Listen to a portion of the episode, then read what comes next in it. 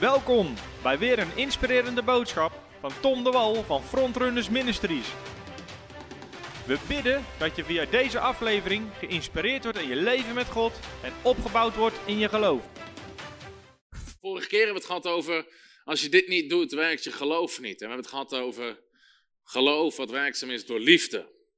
En in de context waar Jezus ook spreekt over geloof, Waar hij eerst zegt, heb geloof in God in Marcus 11 vers 22. Dan begint hij over het spreken tegen de berg. Want voorwaar ik zeg u wie tegen deze berg zal zeggen en niet zal twijfelen in zijn hart. We kennen de tekst, we hebben hem vaak gelezen. Dan begint hij over spreken in geloof. Dan zegt hij in alles wat u biddend begeert, geloof dat je het ontvangen hebt en je zal het hebben. Hij heeft het over bidden in geloof en dan zegt hij, en wanneer u staat te bidden, vergeef iedereen waar je iets tegen hebt opdat de Vader in de hemel je ook vergeeft. Dus Jezus leert ons ook dat met bitterheid of onvergevingsgezindheid in ons hart zal ons geloof niet werken. En de Bijbel zegt ook dat geloof werkzaam is door liefde. Dus we willen functioneren vanuit liefde en vanuit een hart vol liefde. En daar hebben we het de vorige over gehad. Hoe ziet goddelijke liefde eruit? Want de Bijbel zegt dat God heeft zijn liefde uitgestort in ons hart. Romeinen 5 vers 5. En ook daar stap je in door geloof, niet door gevoel. Nou, deze laatste avond voor de vakantie in ieder geval, wil ik het hebben over de gave van geloof. De gave van geloof. Nou, de gave van geloof is een onderwerp waar relatief weinig onderwijs over is. Wie heeft er hier wel eens een preek gehoord, uitsluitend over de gave van geloof? Eén hand. Verder niemand. Dat is niet veel. Wie heeft u wel eens een preek gehoord over profetie? Oké, dat zijn veel meer handen. Maar dat is ook een gave van de geest. Nou, zo zie je dat bepaalde gaven, de gave van geloof, is ook een gave van de geest, gaan we zo meteen lezen in 1 Korinthe 12. Over sommige gaven wordt veel meer onderwijs gegeven dan over andere gaven. En heeft er ook mee te maken dat sommige gaven zijn wat makkelijker uit te leggen. Je kan wat makkelijker iemand onderwijzen hoe die moet profiteren, dan hoe die in de gave van geloof moet stappen. En toch is het belangrijk dat we ook over de gave van geloof onderwijs geven. En zeker als het gaat over, eh, om de faith school. Nou, we hebben aan het begin hebben we het even kort gehad over vijf vormen van geloof. Wie weet nog wat die waren? Welke vijf vormen er waren? Noem eens wat dingen op. Ja, het geloof verwijst gewoon naar het algemene christelijke geloof of het christelijke geloof. Ja, goddelijk geloof, inderdaad, de, de gave. we hebben inderdaad de gave van geloof. Dat heb ik net genoemd ook, de gave van geloof. Klopt, geloof voor redding. Vrucht van geloof, geloof voor redding. Ja, geloof voor specifieke situaties. Even kijken, ik schrijf hier even op de vrucht. Vrucht van geloof. En geloof voor specifieke situaties of beloftes, specifieke beloftes of situaties om die te ontvangen.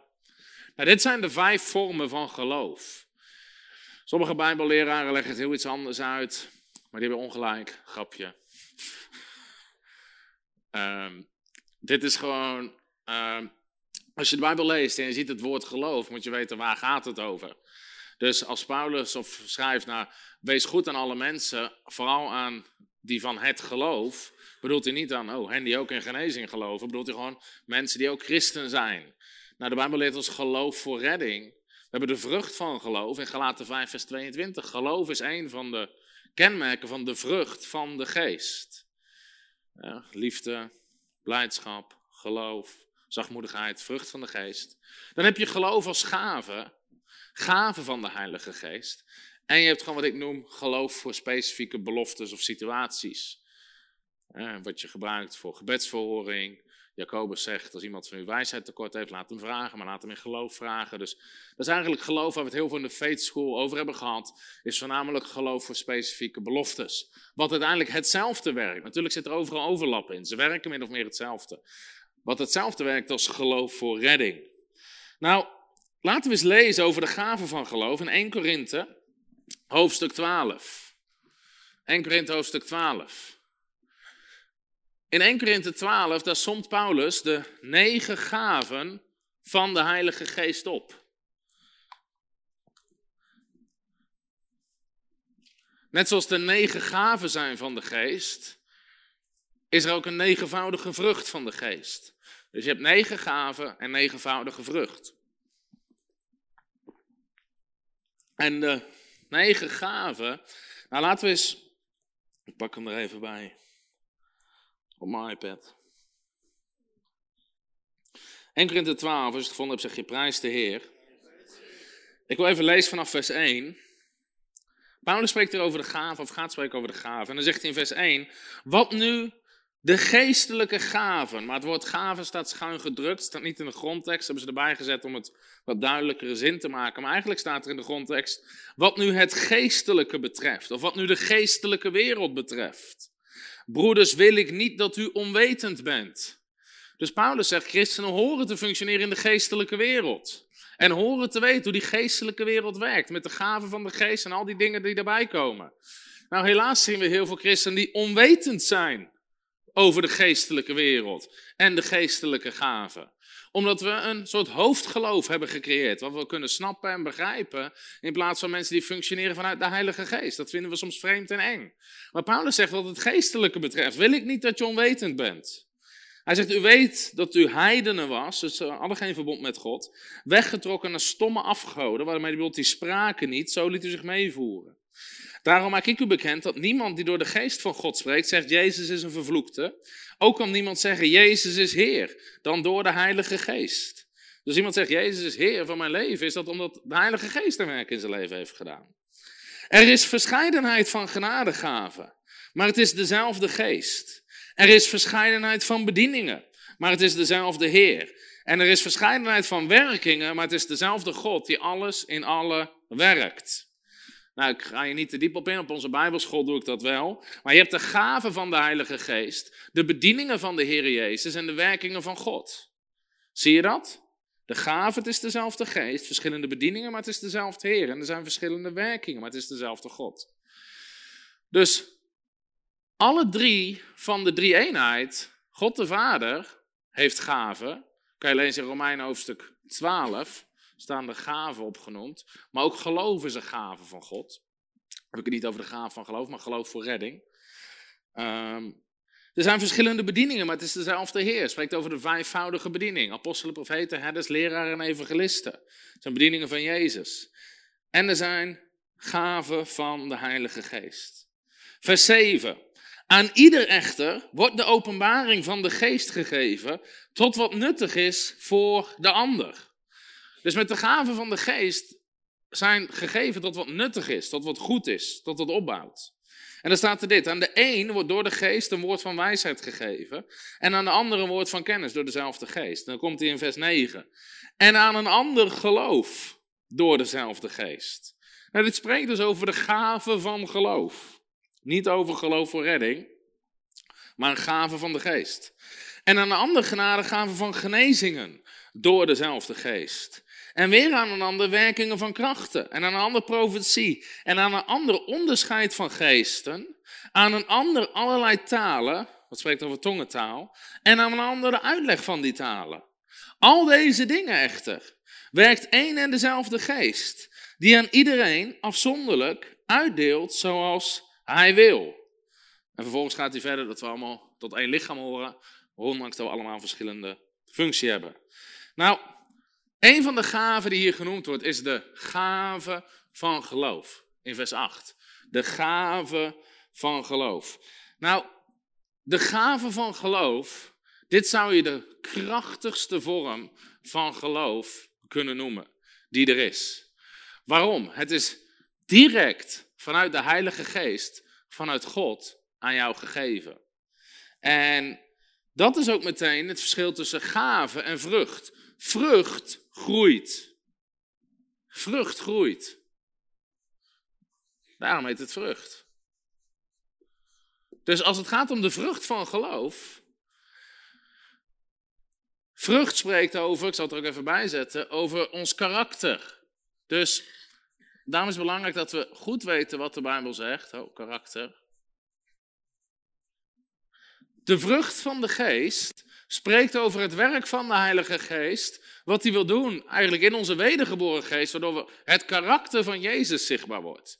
En waardoor we niet onder de verlangens van deze wereld en zonde. Het staat tegenover de werken van het vlees. Amen. Dus de vrucht van de geest is liefde, blijdschap, vrede. In andere woorden, dat is eigenlijk het karakter van Jezus, het karakter van God, wat de geest van God door ons heen wil uitwerken. Amen. Dat is de vrucht van de Heilige Geest. Nou, als het goed is, merk je dat je hierin groeit in je leven. Amen. En misschien niet als je een dag of twee dagen tot geloof bent. Maar als het goed is, hoe langer je met de Heer wandelt, hoe meer de vrucht van de geest groeit in je leven en zichtbaar is in je leven. Nou, de vrucht van de geest is heel belangrijk. Dat gaat over karakter. Kijk, we hadden laatst bij de Greater Power Conference een krachtige beweging van de Heilige Geest, waar mensen ook vielen in de geest, mensen vielen lachend op de grond. En een van de reacties die je altijd krijgt, dit kan niet van de Heilige Geest zijn, want de vrucht van de geest is zelfbeheersing. Nou, de vrucht van de geest is zelfbeheersing, dus wat je zegt klopt, alleen de conclusie die je trekt is fout. Het gaat over het werk van de Heilige Geest in je karakter, niet over manifestaties van de Geest. Daar gaat het helemaal niet over. Dus mensen gooien alles op één hoop en halen dan dingen door elkaar. Je ziet door heel de Bijbel alleen dat als de geest van God op mensen komt, ze vallen, ze beginnen te rollen, dat ze gewoon niet op hun voeten kunnen blijven staan. En dus dat spreekt niet over dat soort dingen, dat spreekt over een werk wat God wil doen in je karakter. Daar hoort zelfbeheersing te zijn en als je dat had gehad, had je deze reactie niet geschreven. Amen.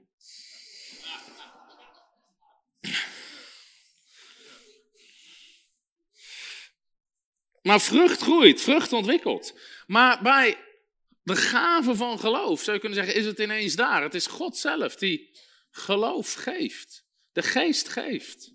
Aan de een dit, dus de geest geeft. Nou, dat betekent niet dat we er niks voor kunnen doen.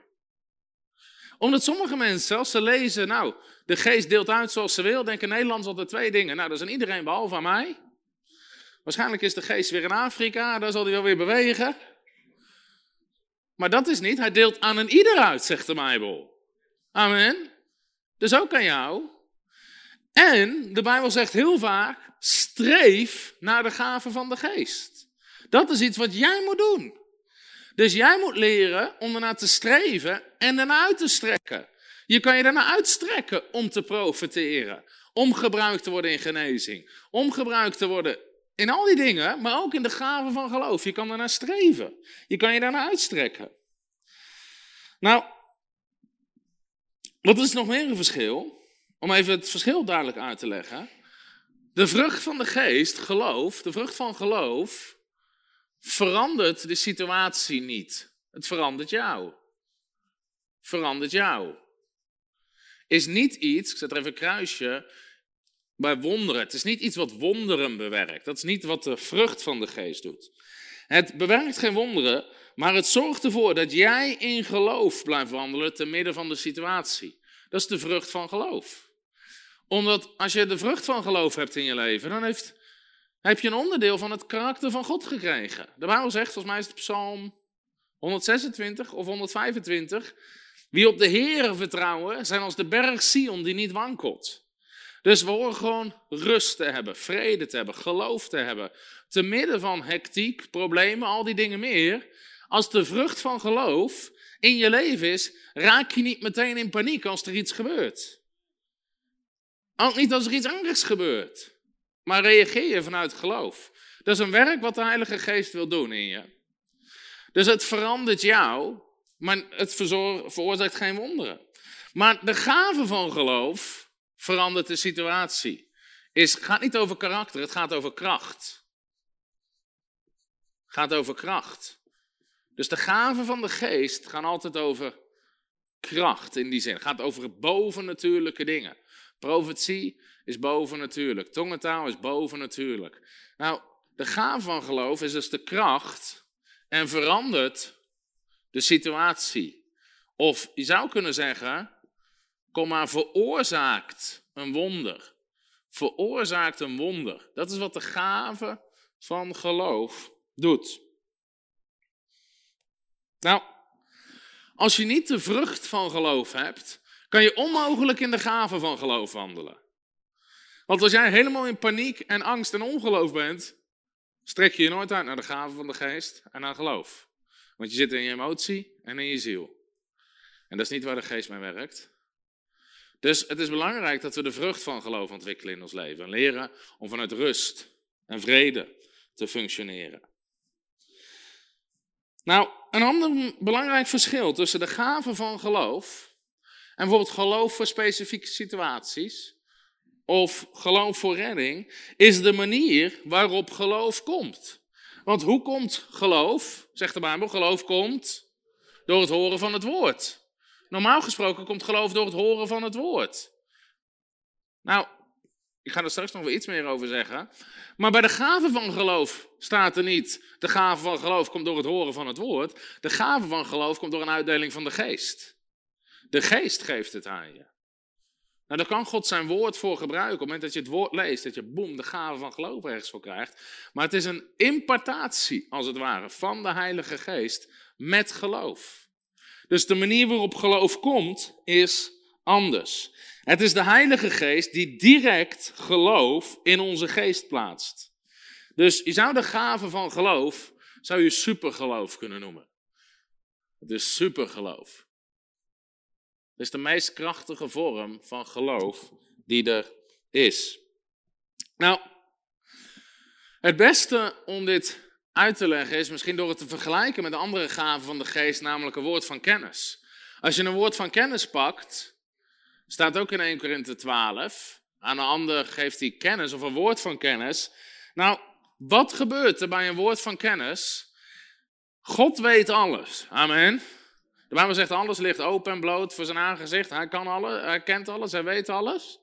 En wat doet God bij een woord van kennis? Hij geeft jou, boven natuurlijk, plaatst hij een stukje van zijn kennis over een bepaalde situatie, boem, in jouw geest. Dat je in één keer iets weet wat je niet kan weten. Dat je iets weet wat je niet kan weten. God weet alles, maar door een woord van kennis geeft hij jou een klein stukje van zijn kennis. En dat is Gods kennis wat hij aan jou geeft. En het kan op allerlei verschillende manieren gebeuren. Grappig verhaal zelf. Ik heb het ook wel Bijbelschool verteld. Maar Femke deed een school van een bidding in Amsterdam. En ik zou daar een avond gaan kijken. Ze was daar een week met pianolessen en een bidding een paar jaar geleden. En ik was er op een avond. En ik belde aan, maar niemand deed de deur open van het gebouw. En het ging open met een codeslot. En ik had geen zin om te wachten buiten. Dus ik vroeg aan de heer, wat is de code? Boom, en ik kreeg in één keer drie getallen in mijn geest.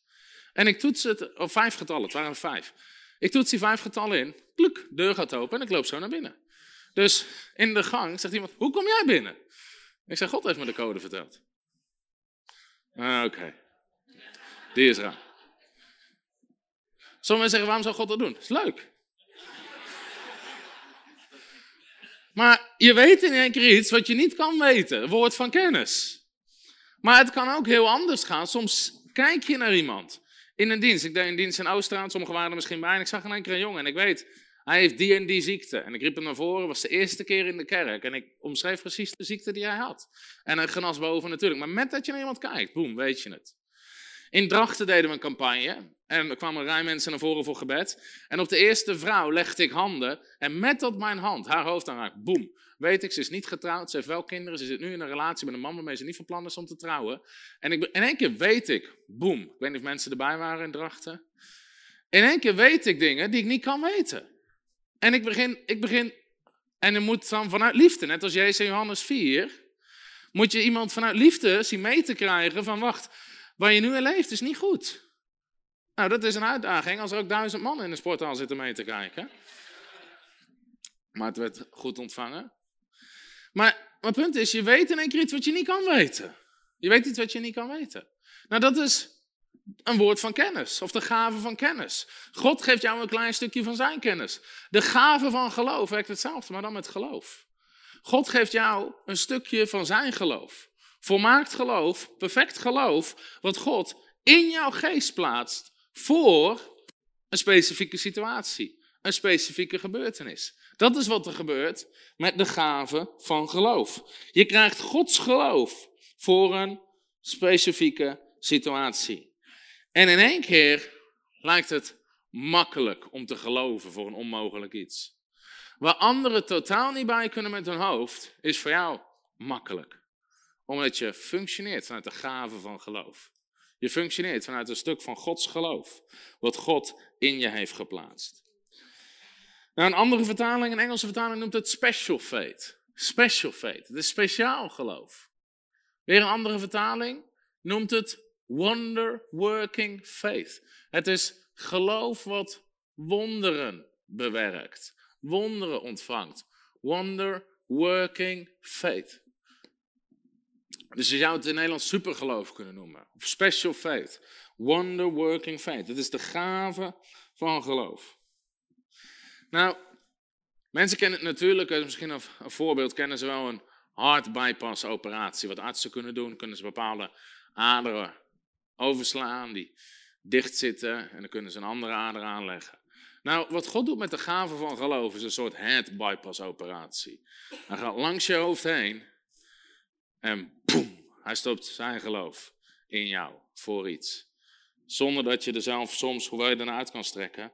Maar het is in één keer God die direct in jouw wedergeboren geest volmaakt geloof stopt. Nou, soms als je de gave van geloof ontvangt voor iets, is het alsof God je hoofd eraf schroeft, je helemaal leeg schudt, volgiet met geloof en je hoofd er weer opschroeft. En vol geloof, je kan er niet... Weet je, ik zeg wel eens, en het, klopt niet helemaal, maar mijn ervaring met de gaan van geloof, ik zeg wel eens, je, je kan niet twijfelen. Je weet dat je weet dat je weet dat je weet. Alleen je moet je ogen gericht houden op Jezus. Want als je gaat natuurlijke, kan je er nog steeds vanaf vallen. Maar dat is vaak hoe het voelt. Als God je de gave van geloof, alsof God, alsof hij een enorme engel met een injectienaald, met een spuit met faith. Huppakee, in één keer is er superboost van geloof. Wat je voor een bepaalde situatie krijgt. Nou, ik moet nou denken gewoon aan een voorbeeld dat in mijn geest komt. Maar dat hoorde ik van iemand die was aan het bidden voor een familielid wat tot geloof zou komen. En terwijl hij aan het bidden was, ontving hij de gave van geloof dat hij in één keer wist. Volgens mij was het zijn broer. Hij wist in één keer, halleluja, hij gaat tot Jezus komen.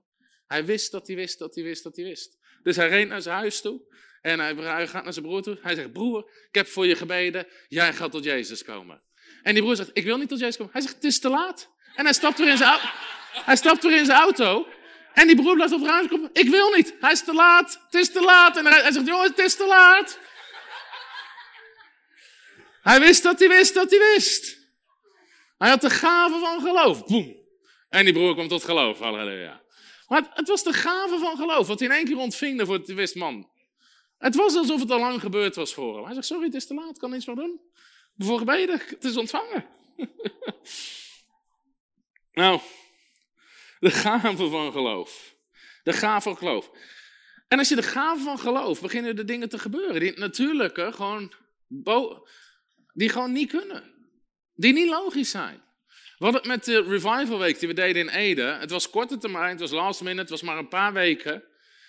En ik wist gewoon, boem, we moeten dit doen. En God gaat het zegenen. God gaat zijn hand. Nou, als je het natuurlijke moet zeggen, hoe komen we in een paar weken aan een zaal van 1200 mensen? Hoe krijg je in zo'n korte tijd zoveel mensen daar? Hoe kan... zou, je, zou je zeggen alle rode kruisen zetten? Nee, hier hebben we zeven maanden planning voor nodig, zeven maanden. Maar gewoon, je, ik wist gewoon, boem, dit ding, dit gaat gebeuren. En God voorzag boven natuurlijk, hoeveel vrijwilligers hadden we, Marion? Weet je nog? Over de 200 vrijwilligers, boem, kwamen erop af. En we gingen naar die kerk toe om te huren. En die voorganger vroeg, wanneer is het? Oh, dan en dan. Oh, hoeveel mensen verwachten jullie? 200? Ik zei, nee, hoeveel kunnen er in de zaal? Hij zei 1200. Ik zeg, de zaal zit vol. Nee, nee, nee. Zegt hij, nee, dat kan niet. Dat hebben we, nooit, nog nooit gehad. En overdag willen we seminars doen. Hoeveel mensen komen naar de seminar? 20 of 30? vroeg hij. Nee, honderden zullen hier zijn. Nou, die man die zat te kijken dat hij... Hij dacht dat we gek waren. Hij dacht nou, dat gaat toch nooit gebeuren. En die seminars, gewoon overdag hadden we 400 tot 600 mensen per seminar. Voor genezing, bevrijding, vervulling met de Heilige Geest. 125 mensen. Ook dat, ik wist gewoon, boem, we gaan meer dan 100 mensen dopen op één dag. Ik wist dat ik wist dat ik wist dat ik wist. En we gingen gewoon online. Dan hebben we een doopdienst en we zullen meer dan 100 mensen dopen. En die dag doopten we 125 mensen. Nou, dat is de gave van geloof, wat je ergens voor krijgt. En de avond na avond zat vol. Zat, het was Boven natuurlijk. Maar dat is niet iets wat je met je hoofd bedenkt om het zo te gaan doen. Zie heel veel mensen functioneren vanuit eigen plannen. Maar als God spreekt en boem, je krijgt de gave van geloof ergens voor, kan geen mens het stoppen. Komen er ook niet uren, we hebben 16 uur zitten brainstormen. Nee, we hebben God gehoord. God geeft de gave van geloof. En nu wandelen we, alsof we vol zijn gespoten door een engel met een injectiespuit van geloof. En nu begint God te bewegen, amen. En dat is hoe dingen gingen. Nou, daarom is ik één gave zou mogen kiezen. Gelukkig hoef je niet te kiezen. Maar ik zou kiezen voor de gave van geloof. Ik zou kiezen voor de gave van geloof. En via de gave van geloof stappen we in andere gaves.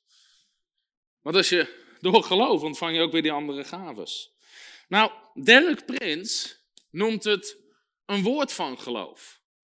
En dat is eigenlijk wel mooi, want je zou ook kunnen zeggen een bevel van geloof. Heel vaak gaat het samen met wat je spreekt. Je spreekt iets en het gebeurt.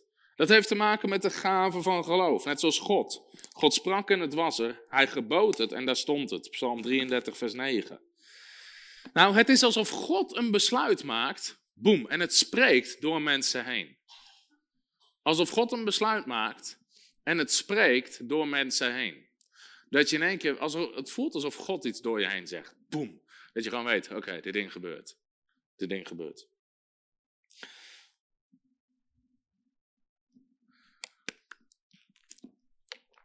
Nou, de gave van geloof.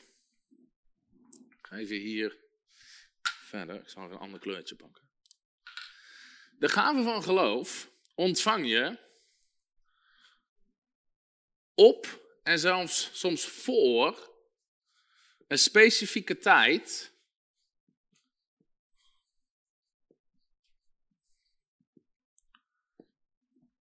Een specifiek moment.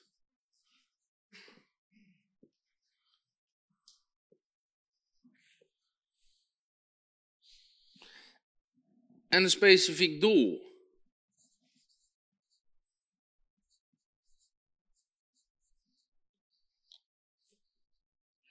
specifiek doel. Je zou kunnen zeggen, een specifiek moment, klinkt een beetje hetzelfde als tijd, op een specifieke plek. Op een specifieke plek.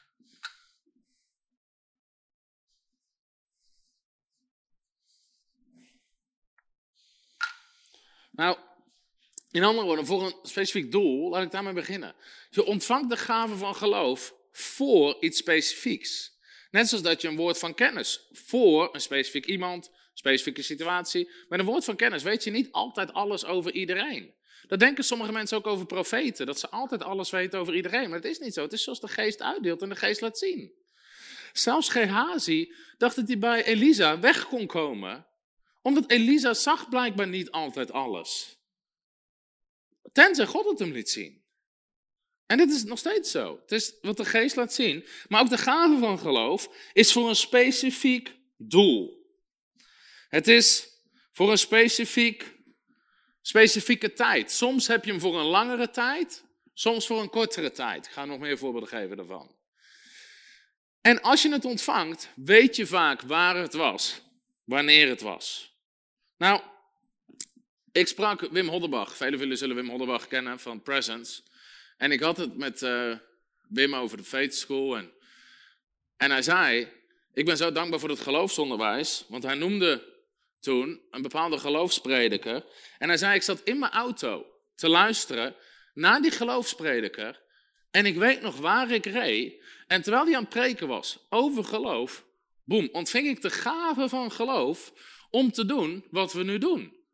En wat hij doet is bovennatuurlijk. Overal krijgen ze vergunningen, plekken waar anderen niet open, die voor anderen niet open gaan, gaan voor hun open. Gewoon, dat is de gave van geloof. Om ergens, gewoon boem, zeggen we gaan naar het Malieveld en er komen 10.000 mensen.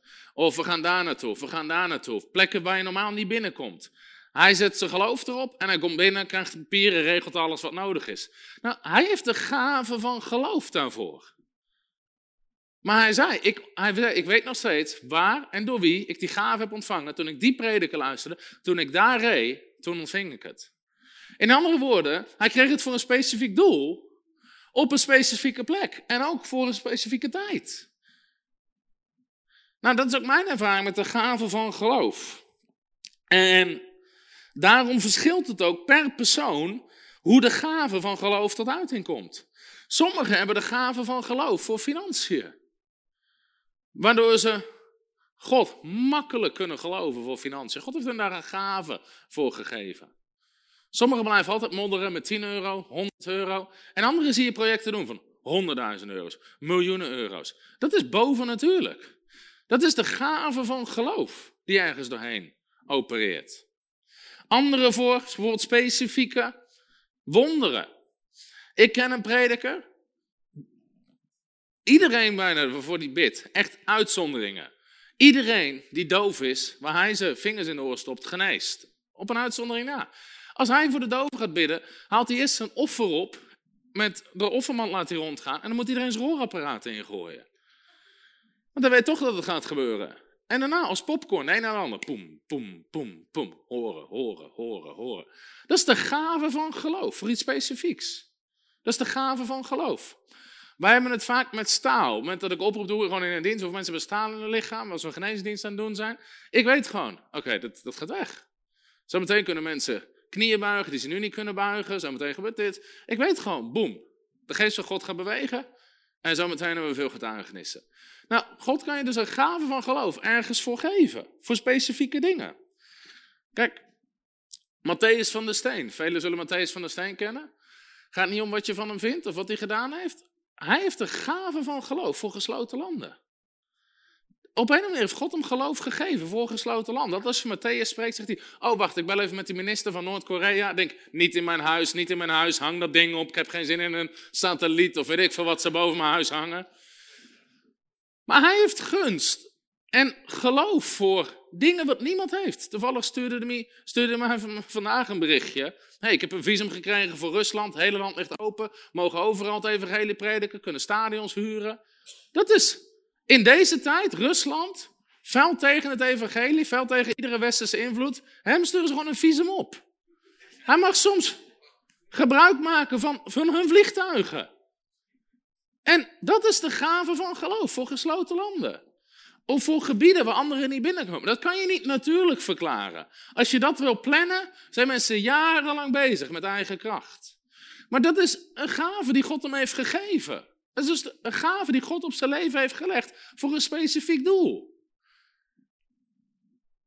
Dus je ontvangt het voor een specifiek doel, op een specifieke plek en voor een specifieke tijd. Dus het kan soms zijn voor een kortere tijd of voor een langere tijd. Dat de gave van geloof op je is. Wie leert er al iets over de gave van geloof? Nou, daarom geloof ik ook dat terwijl mensen dit luisteren, of achteraf luisteren, dat mensen de gave van geloof zullen ontvangen voor wat jij moet doen.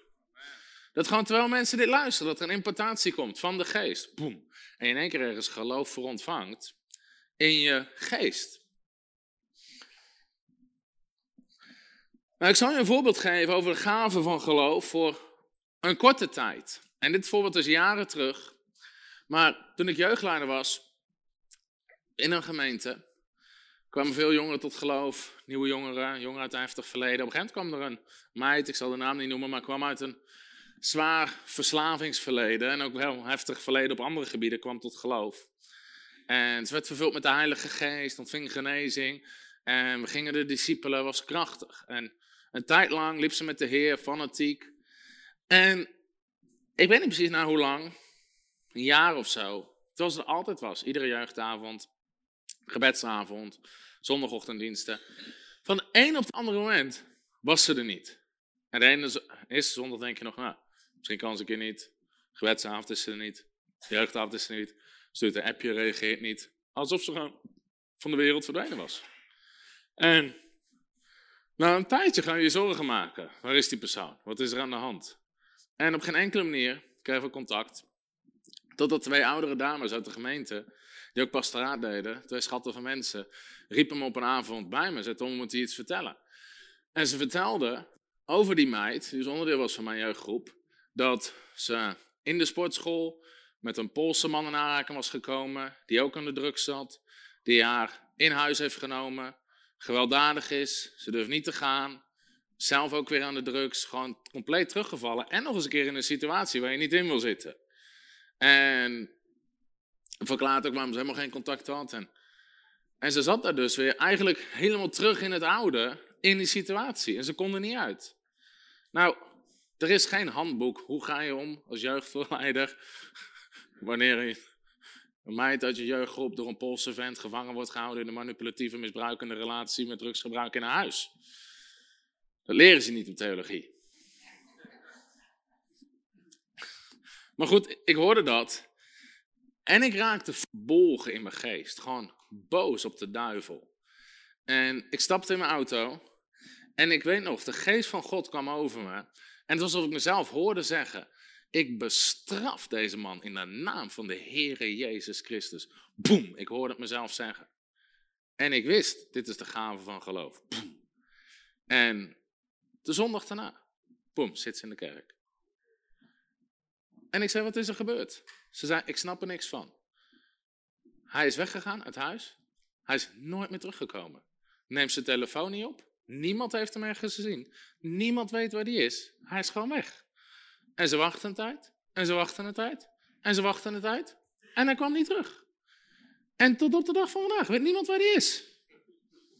Men zeggen, wat heeft God met hem gedaan? Geen idee. Maakt me niet uit. Nou, dat is de gave van geloof. Voor een kort moment, als het ware. Dat is niet iets wat ja, dat is gewoon boem. En nou, ik weet niet wat er is gebeurd. Sommigen zeggen, maar dat is toch niet liefde?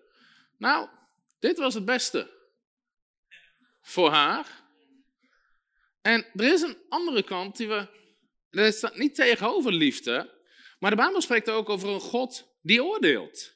En het oordeel is niet alleen later. Soms kiest God ervoor om nu en hier al een oordeel te vellen over iets. En dat lees je ook in handelingen. Met Elimas de tovenaar. Die, boem, geslagen wordt met blindheid. Ananias en Sapphira, die dood neervallen. Herodes, die sterft. En ook dat is een kant van God. Nou, dat is niet de norm om mensen te vervloeken of te bestraffen. Want de Bijbel zegt dat we horen te zegenen. Maar het kan zijn dat de geest je leidt. Net zoals ze Elimas de tovenaar met blindheid sloegen. Kan je lezen, ik denk in Handelingen 13. Paulus. Dus het is niet de norm dat Paulus overal, iedereen die tegen hem was, bam, blind, bam, blind, boem, bliksemschicht, hoppa, vuur, halleluja, boem, aarde open, woehoehoe. Dat is niet hoe Paulus functioneerde. 9 van de 10 keer, of 99 van de 100 keer, misschien wel 999 van de 1000 keer. Wandelde in liefde en zei: God, mijn genade is genoeg. Deelde maar mee in genade, laat hem over je komen. Maar soms kan de geest van God iets anders bepalen. En als dan de geest door iemand heen bepaalt, boem, dit gebeurt, gebeurt het.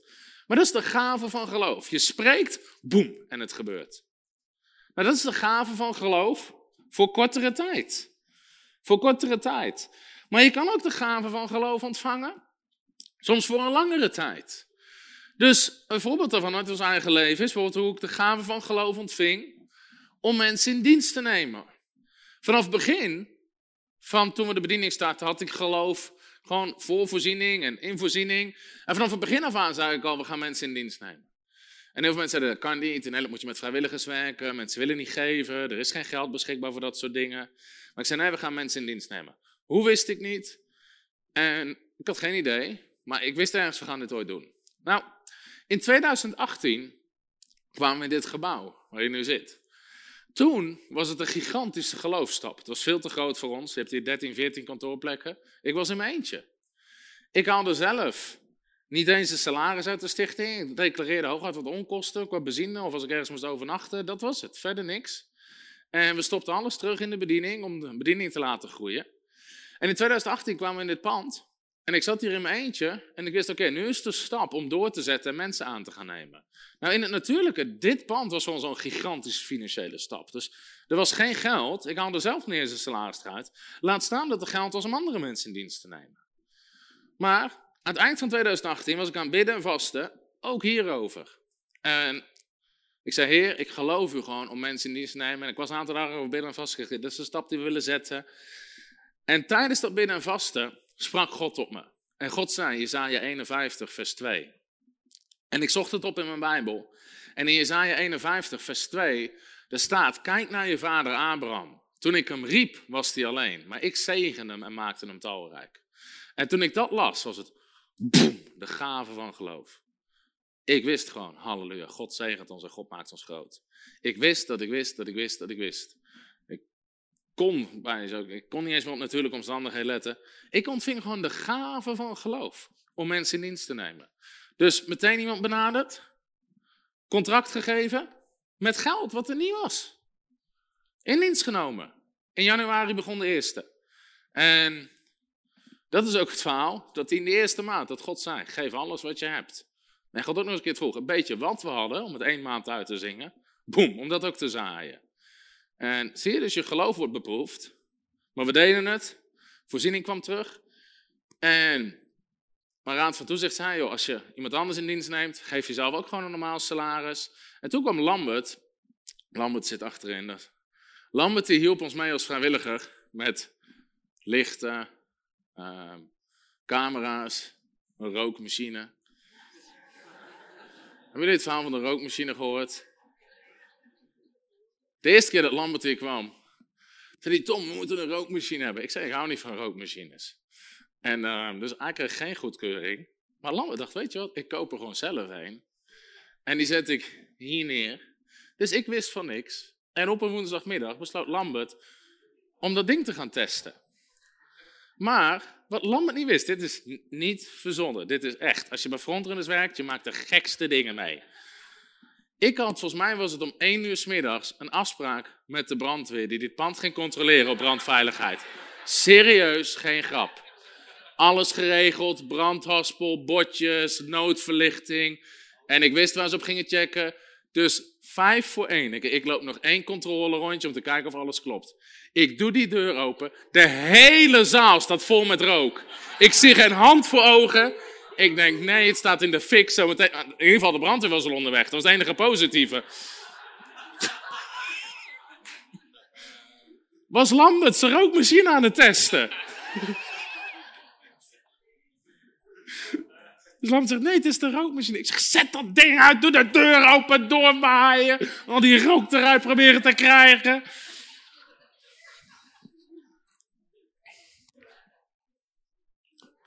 We zijn enorm gezegend met ons techniekteam. Net als de avond met Jan Zijlstra. Wie heeft die video gezien? De eerste keer dat Jan Zijlstra was, dat hij constant zat over het licht, dat hij te weinig licht had. Maar als Jan Zijlstra spreekt, durf je niet je telefoon te pakken. Dus ik zat op de voorste rij en ik dacht, we moeten toch meer licht hebben in die lampen. Maar ik kan niet naar achter appen van jongens, is er iets mis met het licht? Want als Zijlstra zag dat je je telefoon had in de dienst, ging je eraan. Dus ik kreeg twee uur lang horen. Pastor, waarom is er geen licht? Pastor, waarom heb je zo weinig licht? Waarom is er weinig... Op een gegeven moment, die avond over, ik loop naar achter Lambert. Ik zeg, Lambert, we hebben toch meer licht? Hij draait aan de knop. Oh ja, dat is waar ook.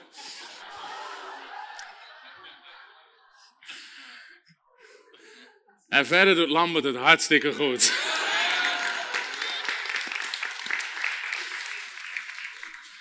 Hebben in ieder geval veel gelachen.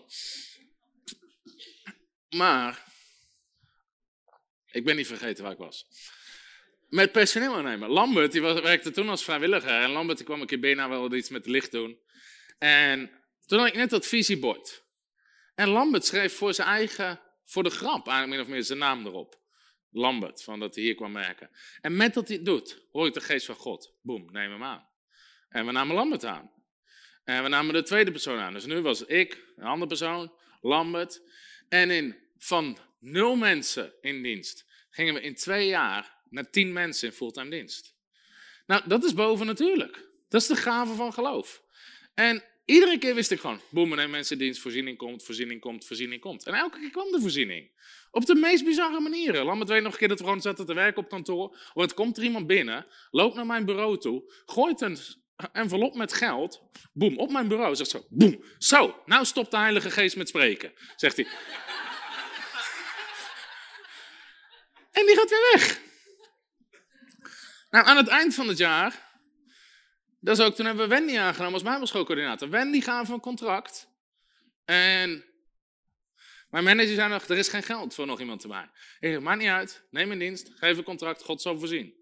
En de datum komt dichterbij en dichterbij. En dat is het verhaal van die vrachtwagenchauffeur die stopt. Ken je dat verhaal? Oude, oude laars aan. Je zou denken, wat is dit? Kom binnen, nog nooit gezien. Vraagt, hey, kan ik partner worden? Schrijft in voor 40.000 euro per jaar en rijdt weer verder. De, mijn collega vroeg, wie is dat? Ik zeg, nog nooit gezien. Nog nooit gezien, was hij nog nooit geweest. En hij riep nog, sorry dat ik langskom. Maakt niet uit, je mag iedere dag langskomen.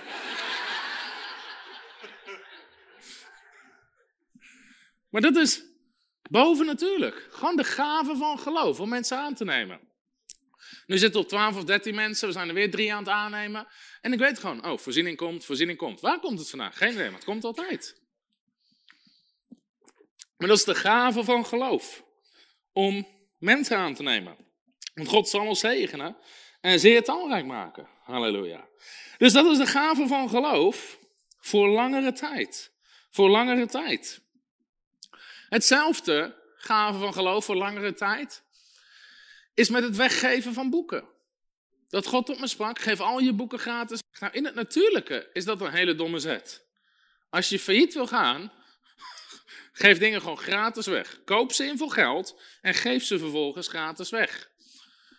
Maar God gaf de gave van geloof om dat te doen. dat was een gigantische geloofstap. We zitten nu bijna, 2,5 jaar later, op bijna 500.000 boeken. Het is maar goed dat ik dat niet wist aan het begin. Maar we begonnen met 25.000 boeken, Jezus aanraken. En het is niet alleen het geld wat elke keer komt om die boeken te drukken. Kijk, in het begin, weet je, komt er nog een conferentie, een offer ophalen, komt een nieuw boek aan. We hebben niet de tijd om te wachten op de volgende conferentie. We zijn altijd drukken, drukken, drukken, drukken. Constant drukken we boeken. De, onze druk, eh, we hebben een drukwerkmakelaar die ons drukwerk regelt in een buitenland. Die zijn nog buitenlandse drukkerijen beginnen te bellen. Wie is een jongen uit Nederland die boeken per 100.000 bestelt? En dat is niet normaal. En we zijn ook niet normaal, we zijn boven natuurlijk. Maar het is niet alleen het geld voor de boeken wat al boven natuurlijk komt. De hand van God zit erachter, waardoor ze verspreid worden en gelezen worden. Dus iedere keer, boeken op, boem, we bestellen, we bestellen. We hebben nu weer 100.000 boeken in bestelling staan. En de drukprijzen nu, door, de papier, door alle prijsstijgingen, zijn drie keer zo hoog als toen we begonnen. Tweeënhalf jaar terug. Dus we moeten boeken nu voor drie keer zoveel inkopen. Maar we bestellen ze nog steeds bij 100.000. En God voorziet, en God voorziet, en God voorziet. Maar het is, nogmaals, het is niet alleen dat. Het is gewoon de hand van God in hoe ze verspreid worden. Hoe ze gelezen worden, hoe ze gebruikt worden. Weet je, iemand anders zegt tegen mij, ja, jouw boeken worden zoveel gelezen omdat ze gratis zijn. Nou, ik ken meer mensen die nu proberen om gratis boeken weg te geven. Maar ik ken niemand die op de 500.000 komt. Dus dat wil niet zeggen, dat is juist niet het punt, dat mijn boeken beter zijn. Het is de hand van God die ergens achter zit. Het is de gave van geloof. God spreekt iets om te doen en boem, hij geeft ook zijn gave, de gift of faith. Hij geeft de gave van geloven bij om er kracht achter te zetten, om het bereik te geven, om de voorziening te geven. En we wandelen iedere dag in die gave van geloof. Dat is een gave die je ontvangt voor langere tijd. Langere tijd. En je moet je ogen gericht blijven houden op Jezus. Want nu gaan we naar Duitsland. En we gaan daar de boeken. De boeken worden nu vertaald in het Duits. En de boeken worden vertaald in het Engels. Soms vragen mensen, ga je ze daar ook weggeven? Ja, want God zegt, geef al je boeken gratis weg.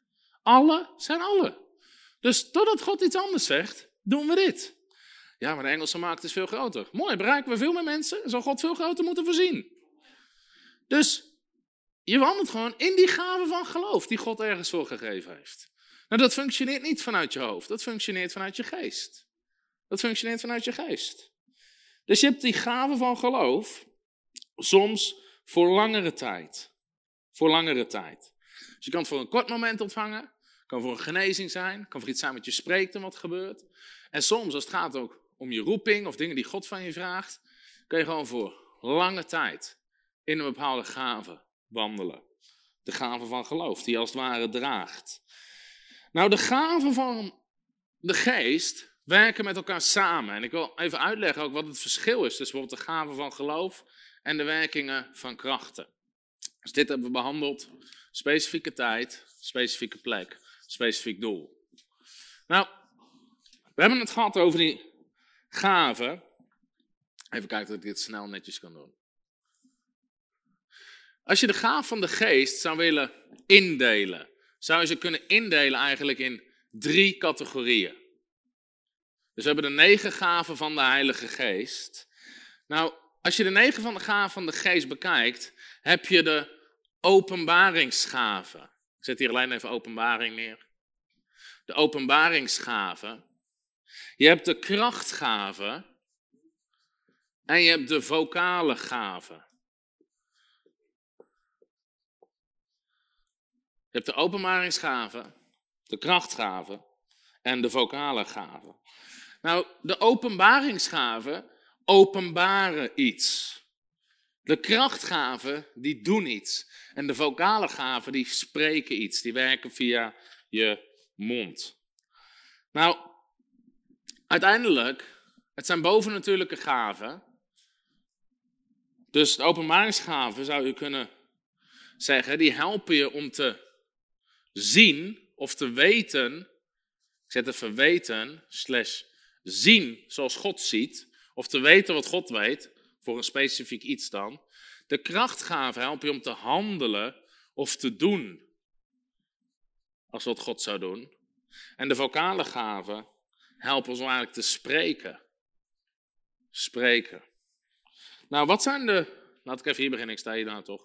De vocale gaven zijn profetie, zijn, tong, zijn talen, ik zet alleen even talen, maar het spreekt over tongentalen, plus uitleg van talen. Uitleg van tongentaal, dat zijn de vocale gaven. Je hebt de krachtgaven, dat is de gave van geloof. De werkingen van krachten. Nou, ik wil niet te diep onderwijs geven over de gaven van de geest, maar de werkingen van krachten, die staat in meervoud ook. Werkingen van krachten. Dus het kan op verschillende manieren werken. En je hebt de gaven van genezing, van genezingen. En je hebt de openbaringsgaven, woord van kennis. Ik schrijf alleen even kennis op. Woord van wijsheid. En onderscheid van geesten. Onderscheid van geesten.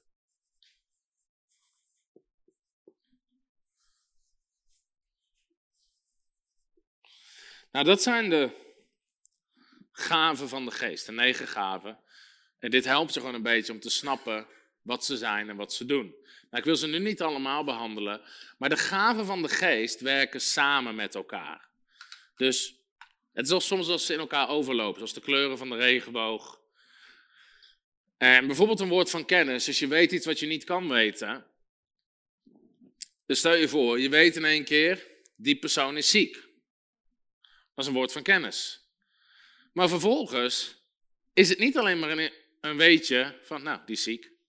Vervolgens moet je stappen in de gave van genezing. Dus daarna begin je uit te, streven naar de volgende gave. En ze werken samen, want je functioneert ook in de gave door geloof en door je dan uit te strekken. Op het moment dat God je boven natuurlijk laat zien dat iemand iets heeft, is het makkelijk om te geloven dat diegene gaat genezen. Want God laat het niet zien zodat ze ziek blijven. Dus die gaven, die werken samen. Werkingen van krachten heeft ook te maken met bevrijding. Heel vaak als Jezus staat dat hij bevrijding deed, dan staat er, um, hij deed krachten, hij deed dynamis. Demonen reageren op de kracht van de Heilige Geest. Dus de voorbeeld, de zweetdoeken van Paulus, dat is werkingen van krachten. De dunamis, de kracht van de Heilige Geest, werd verspreid via die zweetdoek. Op het moment dat die zweetdoek iemand aanraakte, gingen de demonen eruit. Demonen reageren op kracht. Hetzelfde met schaduw. Dus werkingen van krachten. Dus een voorbeeld ervan is, we deden die bevrijdingsseminar deden we in Ede. Volgens mij was het dinsdag of woensdagmiddag. En terwijl ik aan het spreken was, en op een gegeven moment gingen we praktijk doen. Maar ik liep door de zaal en net zoals de Bijbel zegt, Jezus voelde kracht van zich uitgaan. Staat er van in Marcus 5. Terwijl ik liep, voelde ik Voem, de kracht van de Heilige Geest, als het ware uit me gaan, als een schokgolf door de zaal. Op het moment dat ik het voelde, ah, ah, overal beginnen demonen te krijsen en te manifesteren. Dat is demonen die reageren op kracht. En één keer de werking van krachten, boem, beweegt door je heen en demonen reageren erop en mensen worden bevrijd. Dat is werkingen van krachten. En daarom vaak, als je bezig bent met bevrijdingsdiensten, terwijl je aan het prediken bent, soms voel je het gewoon te beginnen te werken. En in één keer, boem, in één keer barst het los. Dat is werkingen van krachten. Demonen die beginnen te manifesteren. Nou, ook dat is een gave van de geest waar je naar uitstrekt. Sommigen zeggen, ja, waarom is dat niet iedere dienst? Omdat het niet het doel is van iedere dienst. Soms ben je onderwijs aan het geven, soms richt je hierop, soms richt je daarop. Ik vertelde laatst nog over een voorganger, die had gevraagd in zijn kerk, wil je een bevrijdingsdienst doen? Op zondagochtend. Ik had ja gezegd. En ik had geen team mee. En we hadden toen ook niet echt een goed ministry team, die hebben we nu getraind. En hij was zelf, moest hij ergens spreken in een andere gemeente. Dat was een gemeente van 250 mensen. En aan het eind, ik had gesproken over bevrijding, ik begon gewoon te bidden vanaf het podium. En ik voelde, boem, de werking van kracht begint te stromen. En door heel die zaal, misschien dat er wel 60, 70 mensen vielen op de grond, begonnen te kronkelen, te sissen als slangen, te manifesteren. En ik stond in mijn eentje. En, op een gegeven moment een paar mensen erbij getrommeld. Ja, heb jij twee handen? Ja, kan je bidden? Hup, meebidden. Ieder, iedereen die we in konden zetten, zetten we in. En ondertussen kwamen de kinderen nog terug van de kinderdienst. Het was een goede dienst. Maar mijn punt op dat moment, strek je dan uit en boem, dat ding begint te bewegen. Dat is hoe het werkt met de gaven van de Heilige Geest. Dus die gaven die werken samen. De gaven werken samen. Nou, heel vaak als er een wonder gebeurt, zijn er ook meerdere gaven aan de gang. Als het gaat bijvoorbeeld om een opwekking van doden, ook, ook dat is een opdracht. Hij zegt, wek de doden op. Nou, in Nederland zien we het nog weinig, maar er zijn bedieningen ook in het buitenland die dat gewoon tientallen keren hebben meegemaakt. Nou, als het gaat om opwekking van doden, heb je meerdere, moet je meerdere gaven hebben. Ten eerste heb je de gave van geloof nodig. Je hebt de gave van geloof nodig. Je hebt Gods geloof nodig om daaraan te voldoen. Om te geloven dat een dode weer opstaat. En soms komt dat dus door te horen wat God zegt. Jan Zijlstra vertelde dat voorbeeld in de Nederlandse kerk. Waar iemand letterlijk in de kerk een hartaanval kreeg en stierf. En allerlei mensen begonnen in paniek. En ondertussen werden de ambulance. Mensen begonnen te bidden, maar in paniek. Weet je nog wat ik zei over geloof? Werkt niet vanuit angst. Maar mensen beginnen te in Jezus naam, in Jezus naam, in Jezus naam. Maar je hoort gewoon, het is geen geloof, het is paniek. Snap je wat ik bedoel? Snap je het verschil? En iedereen eromheen en de ambulance kwam eraan. En toen de ambulance al stopte, dat was dus tien minuten, was die persoon was gewoon overleden, niks hielp. En Jan Zelstra stond gewoon op het podium, zei niks, deed niks. Toen hoorde die stem van God, ga erheen en wek hem op. En toen liep hij erheen in rust en zei, in de naam van Heer Jezus Christus, kom tot leven, stop. En boem, die man was er weer. Nou, daar zie je, dat was de gave van geloof. God sprak, boem, en dan krijg je de gave van geloof ervoor. Maar dan heb je de gave van geloof heb je nodig. En afhankelijk van hoe iemand gestorven is, heb je meteen werkingen van krachten nodig. Dat dode lichaam moet tot leven komen. Dat dode lichaam moet tot leven komen. In het geval dat iemand gestorven is aan ziekte, moet hij meteen genezing ontvangen. Dus je hebt meerdere gaven nodig om daarin te functioneren. Je hebt meerdere gaven nodig. Nou, wat is het verschil tussen de gaven van geloof en werkingen van krachten. Ik ga er even een paar voorbeelden van geven. Nou, de werkingen van krachten is gericht op het uitdelen van het wonder. De gave van geloof op het ontvangen van een wonder.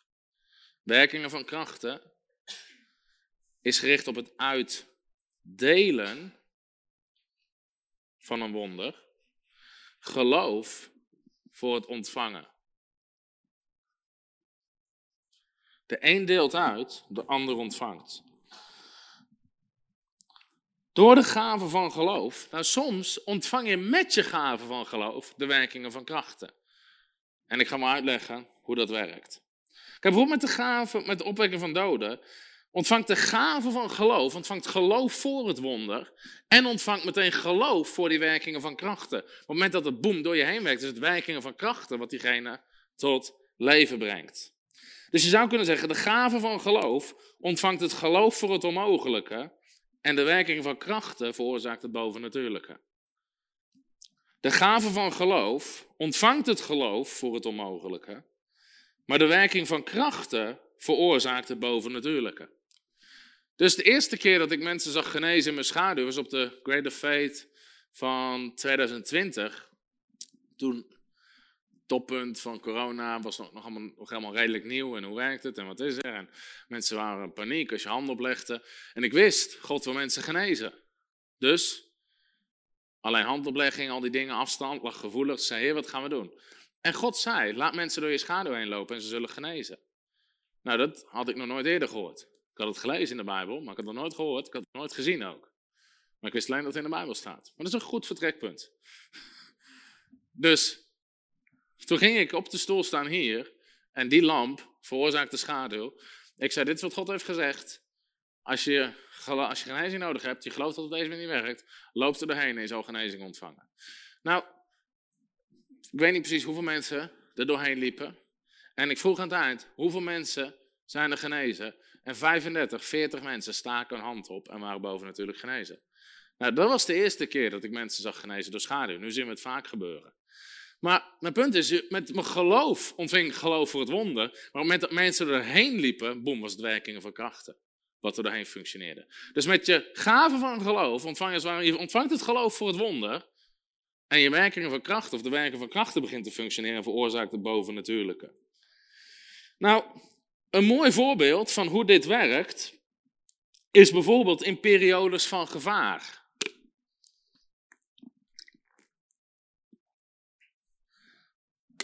Wat is het verschil? De gave van geloof haalt je boven natuurlijk door het gevaar heen, zonder dat het gevaar je schaadt. De werkingen van krachten verandert het gevaar. Ik ga je zo meteen voorbeelden geven. Maar de gave van geloof haalt je boven natuurlijk door het gevaar heen, zonder dat het je schaadt. Terwijl de werkingen van krachten verandert het gevaar. Werkt een wonder. De Engelstaal zegt working of miracles. Het werkt een wonder. Dus voorbeeld. Jezus, die de storm stilde, veranderde het gevaar. De storm ging liggen. Werkingen van krachten. In combinatie met de gaaf van geloof. Gaaf van geloof ontvangt het geloof voor het wonder. Boom, werkingen van krachten laat de storm stillen. Dus ook Jezus functioneerde door de geest. Amen. Jezus deed die wonderen niet omdat hij de zoon van God was. Hij was de zoon van God, maar de Bijbel zegt, hij heeft zich van al zijn privileges, van al zijn voorrechten, heeft hij zich gestript, Filippenzen 2. Hij kwam als een mens naar deze aarde en Jezus begon pas wonderen te doen toen hij vervuld werd met de geest, want toen begon hij te functioneren in de gaven van de geest. Dus wanneer Jezus mensen genas, gaven van genezingen. Wanneer Jezus mensen bevrijdde, werkingen van krachten. Elk wonder van Jezus valt in een van de categorieën van de gaven van de geest. Daarom zegt Jezus, je kan hetzelfde doen als mij en nog groter, omdat wij dezelfde geest hebben en dezelfde gaven hebben gekregen. Amen.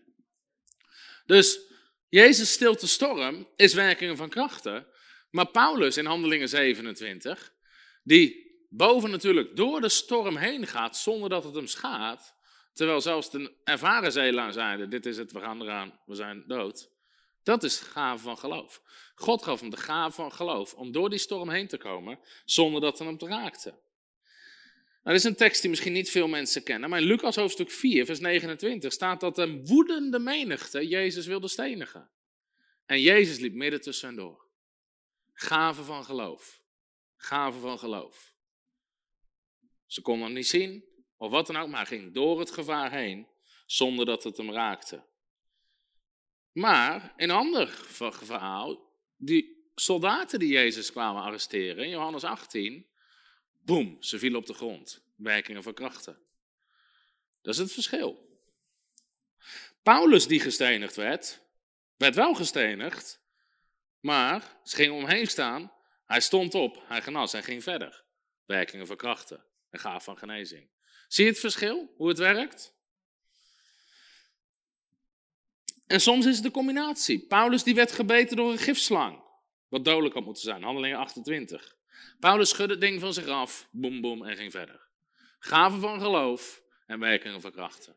Hij wist gewoon, mij overkomt niks. Werkingen van krachten haalde dat gif uit zijn lichaam, zorgde dat het niet werkte en hij ging verder. Nou, Jezus, die over water wandelde, dat is een combinatie. Je ontvangt de gaaf van geloof voor het wonden en de werkingen van krachten zorgt voor het bovennatuurlijke, dat het water je houdt en dat je erop kan wandelen. Dus alle verhalen, Daniel en de leeuwenkuil, gaven van geloof. Leeuw deed hem niks. Dat is de gave van geloof. Haalde hem door het gevaar heen. Dus alle voorbeelden in de Bijbel kan je zeggen welke categorie valt dit? Welke categorie valt dit? En heel vaak werken ze dus samen. Nou, zelfs wanneer we in de gave functioneren, moeten we ervoor kiezen om ook naar de geest te blijven wandelen. Want anders raak je het kwijt. Petrus, die over water wandelde, gave van geloof, werkingen van krachten. Jezus zei: Kom. Voel mij, ontving de gave van geloof. Stapte uit de boot. Het water kon hem dragen. Dat is werkingen van krachten, gave van geloof. Maar Petrus begon op de wind te letten. En hij begon op de golven te letten. Dus hij haalde zijn ogen af van het woord. Ging kijken naar natuurlijke omstandigheden. En in één keer viel die. Dus de gave van de geest functioneert maar zolang jij functioneert in de geest. Als jij door je natuurlijke denken eraf stapt, stopt het. Stopt het. Dus daarom wil je daar niet naar gaan kijken. Kijk, je geloof kan je ergens brengen waar je in het natuurlijke niet kan komen. Maar je, je moet ook zorgen dat je geloof je daar houdt. Amen. Dus je moet blijven focussen op Jezus. Want als ik, als ik ga kijken naar natuurlijke omstandigheden. Oh nee, de boekenprijs zijn drie keer zo duur. We moeten weer honderdduizend boeken bestellen. We moeten ook naar het Engels, we moeten ook naar het Duits. We moeten nog honderdduizenden boeken bestellen. Uh, we moeten wel altijd die veertien salarissen betalen. Inflatie is 10% dit jaar. Je gaat, als je naar alle natuurlijke omstandigheden gaat kijken. Val je. Val je. Wat we doen is totaal onlogisch. We nemen mensen aan, geven honderdduizend boeken weg. We hebben onszelf in een bouwproject van 8 miljoen gestort, wat we schuldenvrij gaan doen. En we zijn aan alle kanten zijn we bezig en bezig. Als je in het natuurlijke erover na gaat denken, kan je beter stoppen. Kan je beter stoppen. En daar willen mensen je heen trekken. Uh, waar kan je dit van betalen? Waar ga je dit van doen? Hoe ga je dat betalen? Wandelen in geloof. Wandelen in geloof. Waar het vandaan komt, weet ik niet. Het komt ergens vandaan. God zal voorzien. Dus, ja, je moet blijven wandelen in dat geloof. Je moet Daarom zie je soms dat kerken of bedieningen heel goed kunnen beginnen. Maar op een gegeven moment komt het vlees erin. Er komt, ja, maar je moet ook wijsheid hebben, broer. Geloof is Gods wijsheid. Geloof is Gods wijsheid.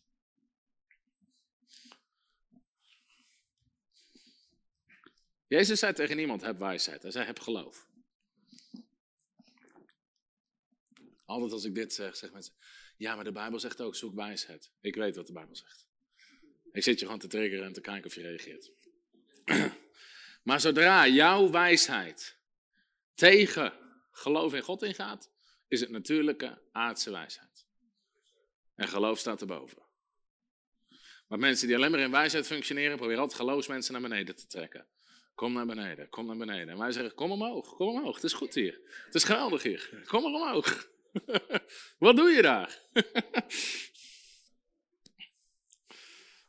dus je blijft kijken. Nou, hoe functioneer je in de gave van geloof? Hoe functioneer je? Dus je hebt zelf, kan je stappen zetten om te functioneren in de gave van geloof. Want de Bijbel zegt, streef naar de gave.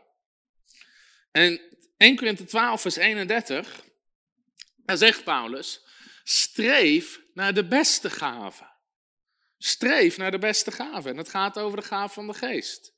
Nou, al eeuwenlang zijn theologen aan het discussiëren. Wat is de beste gave? Is het profetie? Is het genezing? Is het tongentaal? Nee, tongentaal kan het niet zijn. Het is wijsheid. Salomo vroeg ook wijsheid.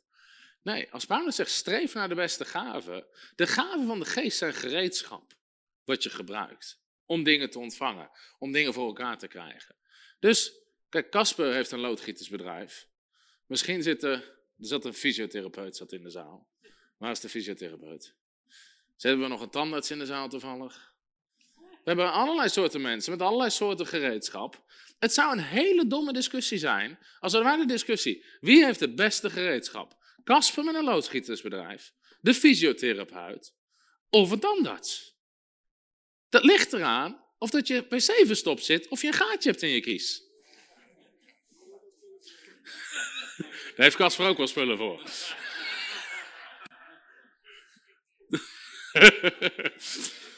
nou, er is geen beste gave. De beste gave is de gave die jij nodig hebt. Dat is de beste gave. Dus als jij in een onmogelijke situatie zit, streef naar de gave van geloof. Streef naar de gave van geloof. Nou, soms kan de gave van geloof gewoon in één keer over je komen. Net zoals het voorbeeld wat ik gaf met die meid. In één keer, boem, die gave van de geest komt over je. Maar soms zijn er dingen die jij kan doen om erin te wandelen. Nou, ik ga je een paar stappen geven. De eerste stap is niet moeilijk. En dit is gewoon iets wat ik zelf ontdekt heb. Ik zat te denken, gewoon terug, als ik kijk wat in mijn leven komt, hoe komt het? En later zat ik Smith Wigglesworth te lezen. Kennen jullie Smith Wigglesworth? En hij omschreef precies hetzelfde. Ik dacht, wacht, zit op een goede lijn. Zelfde lijn als Smith Wigglesworth. Deze lijn houden we. Stap 1. Je komt in een onmogelijke situatie terecht. Ik zei, de eerste is makkelijk. Leef gewoon met God. Of leef gewoon überhaupt.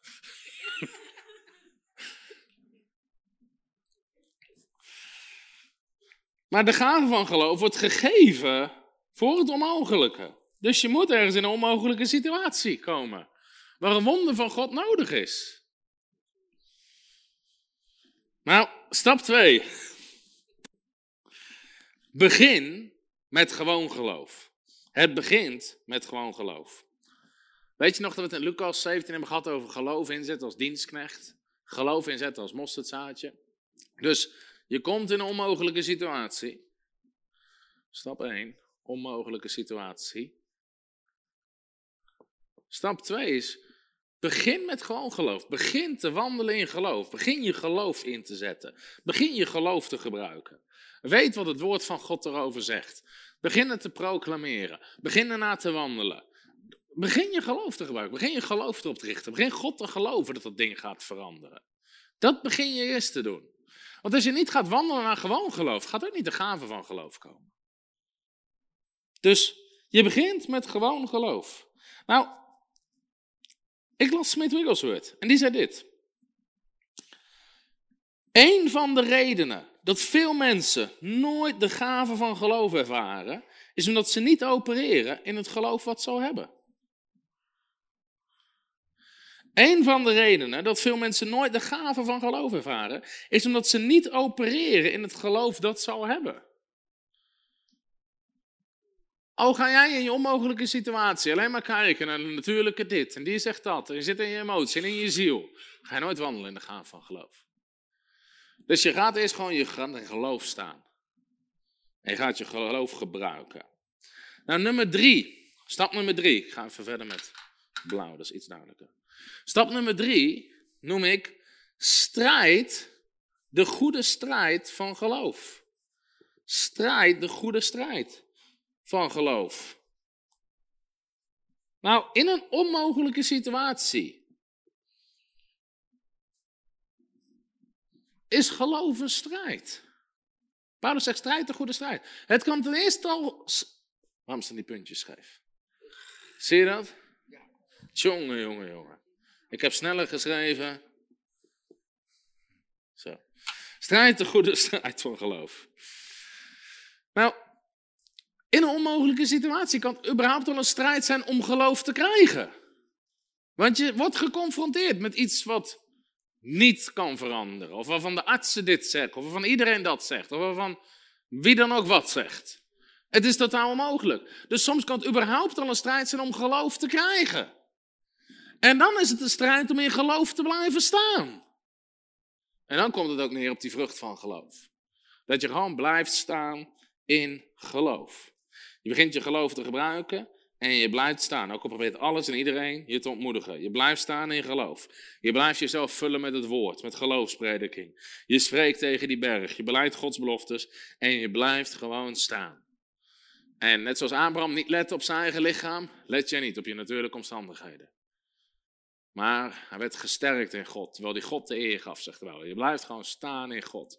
Je blijft vol geloof. Je twijfelt niet aan de belofte van God door ongeloof. Dat is Romein hoofdstuk 4. Nou, dit kan best een strijd zijn. Dit kan best een pittig proces zijn. Dit is ook een proces van de volharding van geloof. Waar sommigen opgeven. Waar sommigen zeggen, zie je het werkt niet. Waar sommigen toch hun twijfels het over laten nemen, of hun ziel, of een emotie. En dan werkt het ook niet. Dit is het proces van de goede strijd strijden. Stap nummer vier. Stap nummer vier is God neemt het over. God neemt het over. En ik heb hier staan, als je aan het einde van je geloof komt, neemt het over.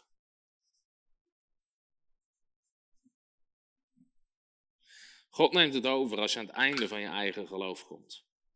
Nou,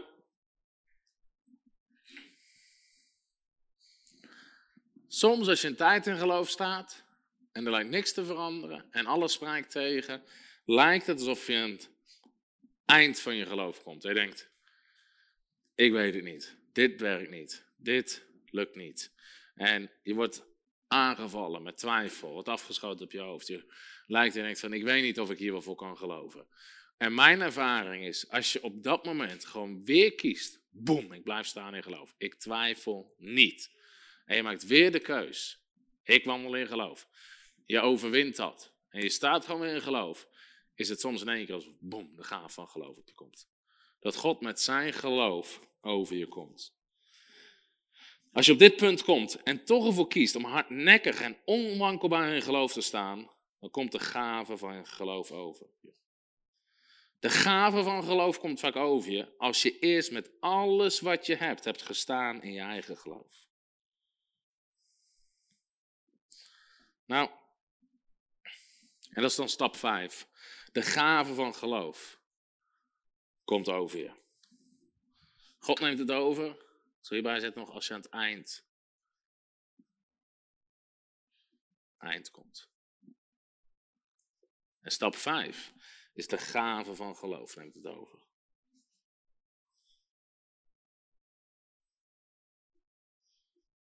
Nou, ik zal nog twee voorbeelden noemen. Twee voorbeelden geven.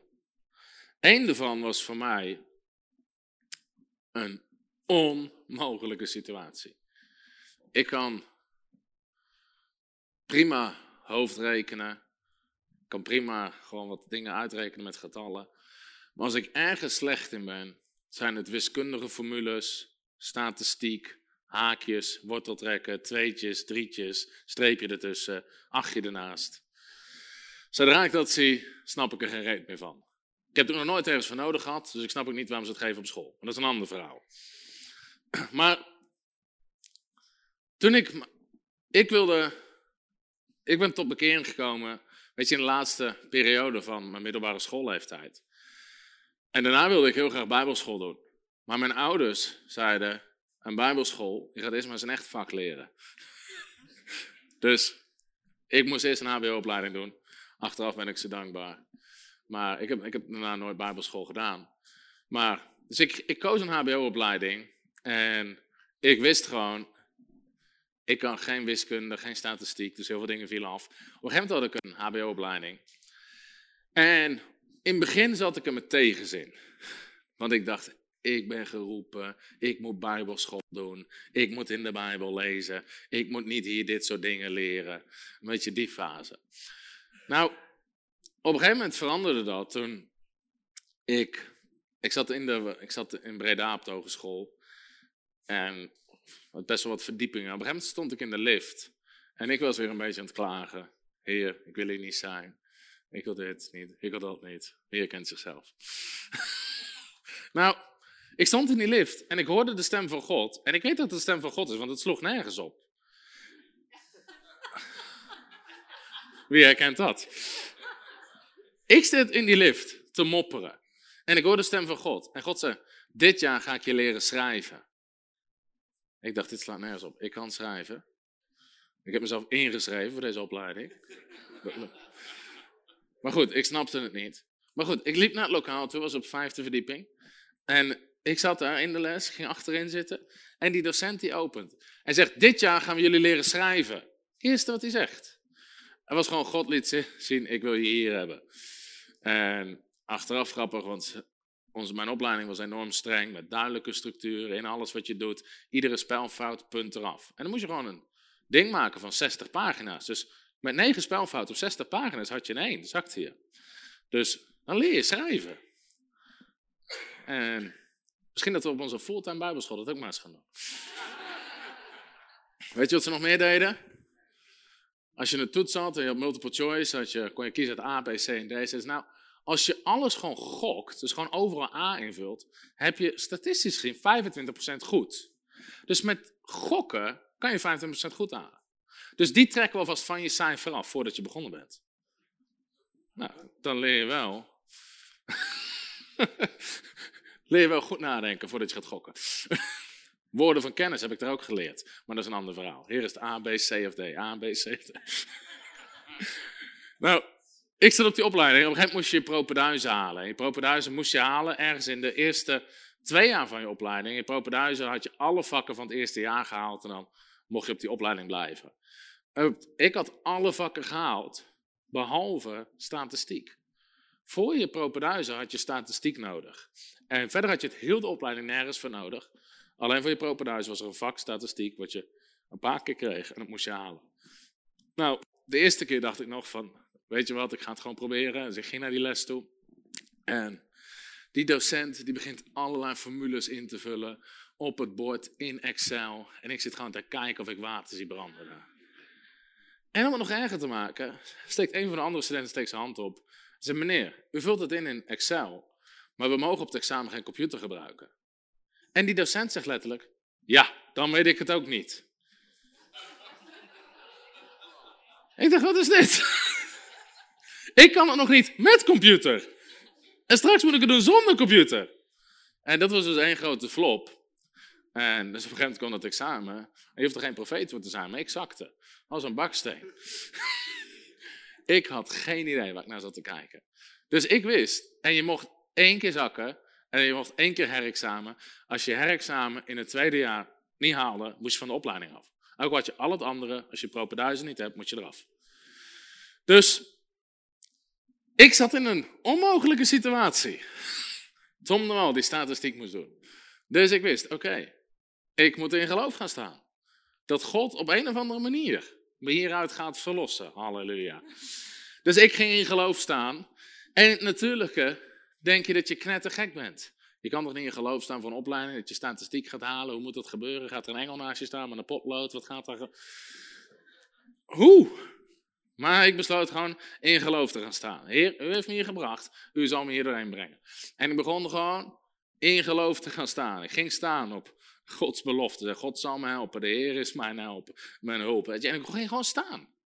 En heel vaak werd ik verleid om te twijfelen. Die zit in die goede strijd. En op een gegeven moment denk je gewoon van, joh, dit is gewoon, ik ben helemaal gek. Dit gaat niet werken. Ik zou niet weten hoe het gaat werken. Uh, maar ik koos er gewoon voor. Nee, ik ga staan. Ik ga staan. Ik geloof dat God me hier doorheen gaat helpen. Ik geloof dat God gaat voorzien. God gaat een weg maken. En ik weet nog, daarom zei ik, soms weet je waar je bent. Op een gegeven moment liep ik door een gang heen in de, in de school. En in één keer, boem, ik voelde de Heilige Geest. Ik ontving de gave van geloof. En ik wist, halleluja, God heeft me erin geholpen. In natuurlijk was er niks veranderd.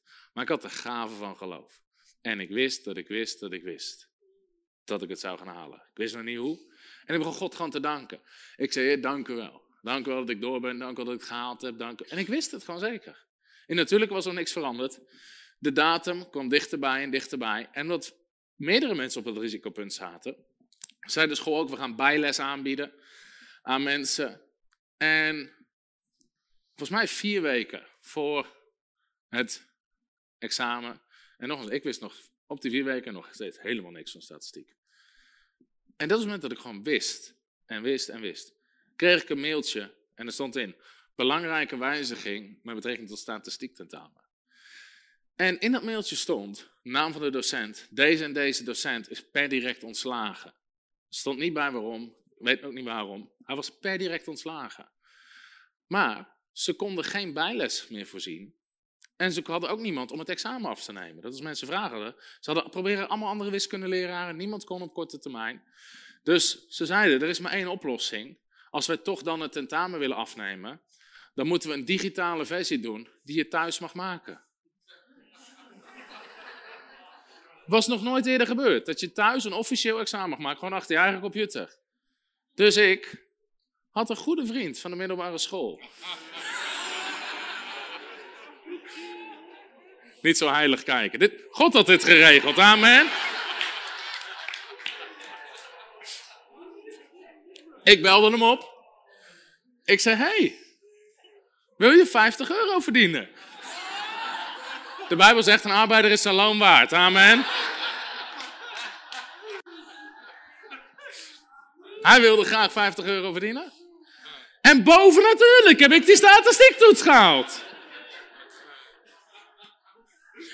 En ik ben er doorheen gekomen. Ik heb het propenduizen gehaald. En ik heb de opleiding gehaald. Nou, zonder God was het nooit gelukt. Tot op de dag van vandaag weet ik nog steeds niet wat er gebeurd is, hoe het gegaan is. Maar ik weet wel dat het gebeurd is. Dus je ziet, je kan je geloof gebruiken voor van alles en nog wat. Dit is trouwens geen tip aan alle HBO-studenten of wat voor studenten ook. Voordat we een nog groter leraartekort hebben in Nederland.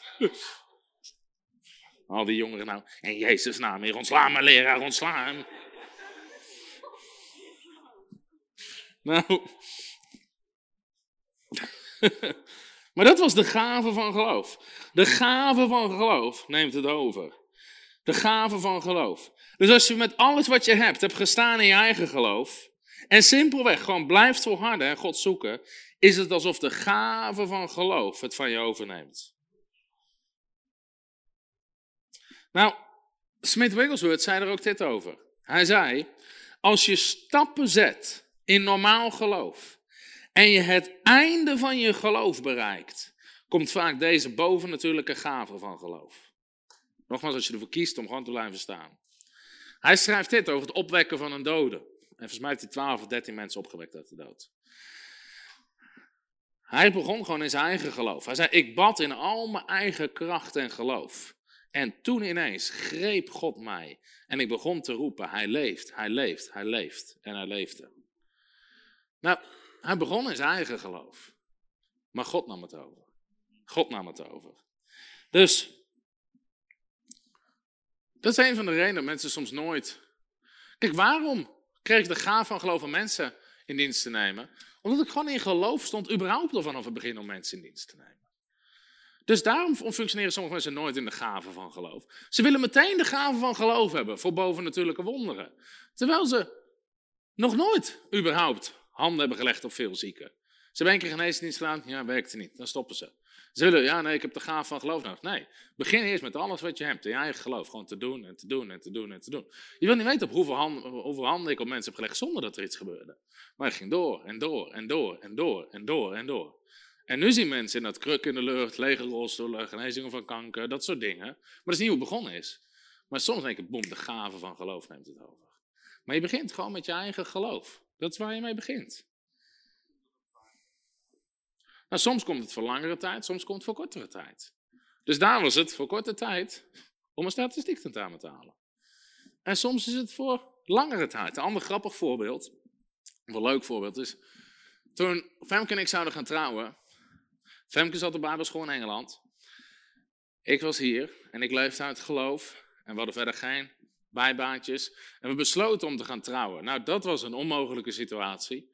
Femke had geen geld. Zij zat in het buitenland op Bijbelschool. Ik zat hier in Nederland. En we, besloten gewoon in geloof te gaan staan. En we wisten ook dat het plan van God was. En ik weet nog op een bepaald punt dat ik dacht van man, dit is taai om hiervoor in geloof te staan. Iedereen zegt dat je gek bent. Waarvoor ga je leven? Waarvoor ga je inkomen? Waar ga je vrouw van onderhouden? Waar ga je wonen? Hoe ga je de bruiloft betalen? Iedereen zegt alleen maar hoe dit, hoe dit, hoe dit, hoe dat, hoe dat, hoe dat. En is ik weet het niet, ik weet het niet, ik weet het niet, ik weet het niet, ik weet het niet. Alleen, ik kan alleen zeggen, God gaat voorzien. Maar de meeste mensen nemen daar geen genoegen mee. Dus op een gegeven moment merkte ik ook gewoon, man, dit is gewoon taai om hiervoor in geloof te staan omdat zelf begin je gewoon te twijfelen. Want de tijd komt dichterbij en dichterbij en dichterbij. Dat je een huis moet hebben, dat je bruiloft moet gaan plannen. En er is nog geen enkele euro. En je hebt heel veel eurotjes nodig. En dus op een gegeven moment hadden we nog een half jaar tot ons trouwen. En we hadden nog helemaal niks. En toen was er een conferentie in Engeland, waar Femke Babelschool deed. Conferentie van vier dagen. Ik vloog er naartoe om er drie dagen bij te zijn. En tijdens die conferentie, de prediker was aan het prediken en hij zei de laatste dienst ga ik handen leggen op iedereen die het nodig heeft voor een wonder. Dus wij zaten die laatste dienst van oké, wij gaan de laatste, laatste dienst, gaan voor laten bidden, ze met ons willen staan in geloof voor doorbraak in deze situatie. Dus uiteindelijk brak de laatste dienst aan. En die dienst, de geest van God, viel. En tot dan toe had ik nog nooit iets meegemaakt. Maar hij is aan het prediken, de geest van God valt. Die voelde de tegenwoordigheid van God. En die man zegt, dit is wat God zegt. Als je je wonden wil ontvangen, vanavond gaan we voor niemand bidden. Als jij je wonden wil ontvangen, moet je gaan rennen. En wij zaten er als twee Nederlanders. Wat zegt hij? Rennen. En vlak bij ons zat een vrouw, en Femke kende die vrouw. Die had veertien ziektes. Kon slecht lopen. En die vrouw begint als eerste. Boem! De kracht van God raakte. Boem! En die begint te rennen. Die is genezen. En Fem en ik kijken elkaar aan. Wow, en wij springen op. En heel die kerk, boem, begint te rennen. En daarom zegt Paulus, laat alle dingen in goede orde verlopen, want je moet dezelfde kant op rennen. nou, die vrouw ging als eerste. En ze genas. En wij ook. Ik snapte er niks van, maar het weet niet mee, snapper. Wij rennen. En het was niet dat we aan het rennen waren, dat iemand naast je komt lopen en zegt: hey, hier heb je 15.000 euro, een sleutel, een trouwring. Maar terwijl we aan het rennen waren, boem, de gave van geloof viel op me. De gave van geloof. En we wisten gewoon, we hebben het ontvangen. We wisten het. En tot die tijd liep alles stroef, moeilijk, geen doorbraak, kwam geen euro los. En vanaf dat moment was het alsof alles omdraaide. En gewoon voorziening kwam van alle kanten. Die, ik vloog terug. Die dinsdag moest ik beginnen met een nieuwe stageplek. Om mijn afstudeerstage te doen. Ik kom daar voor het eerst. Ik kom voor het eerst op dat bedrijf. Ze hadden een echte directeur. Zo'n grote vent met een kaal hoofd en een sigaar. Gewoon een echte directeur hadden ze daar. En die zei, die liep langs. Tom, kom even naar mijn kantoor. Hij liep zo weer verder. Ik loop zijn kantoor in. En dan zit hij ook in zo'n draaistoel. Die kon ronddraaien, weet je wel. Dus je komt binnen, hij draait jouw kant op. Hij zegt, weet je wat? En ik kreeg al, ik zou al een behoorlijk hoge stagevergoeding krijgen voor een student. Hij zei, weet je wat? Ik heb gewoon besloten om die stagevergoeding te verdubbelen. Dat was mijn eerste dag. En ik kreeg bijna gewoon in verhouding een normaal inkomen. Mijn stagevergoeding was bijna vijf, zes keer zo hoog als wat andere HBO-studenten kregen. Gewoon zonder reden, dat was de eerste doorbraak. Ik kreeg gewoon, eigenlijk gewoon bijna normaal inkomen om daar af te studeren. En wonder na wonder begon te gebeuren. Dat is dat verhaal van die appartementen. Dat ik zei, zet mij maar op de lijst. Boem, we kwamen, voor, we kwamen bovenaan. Iemand geeft ons een hele inboedel. En van allerlei dingen, boem, beginnen te gebeuren, te gebeuren, te gebeuren. En we zijn getrouwd, God heeft voorzien. En alle doorbraak was er. Maar het begon met de gaaf van geloof. Begon met de gaaf van geloof. Die ik ontvangen heb toen ik rondjes rende in een kerk in Engeland. Sommigen zeggen, die is knettergek, maar het werkt.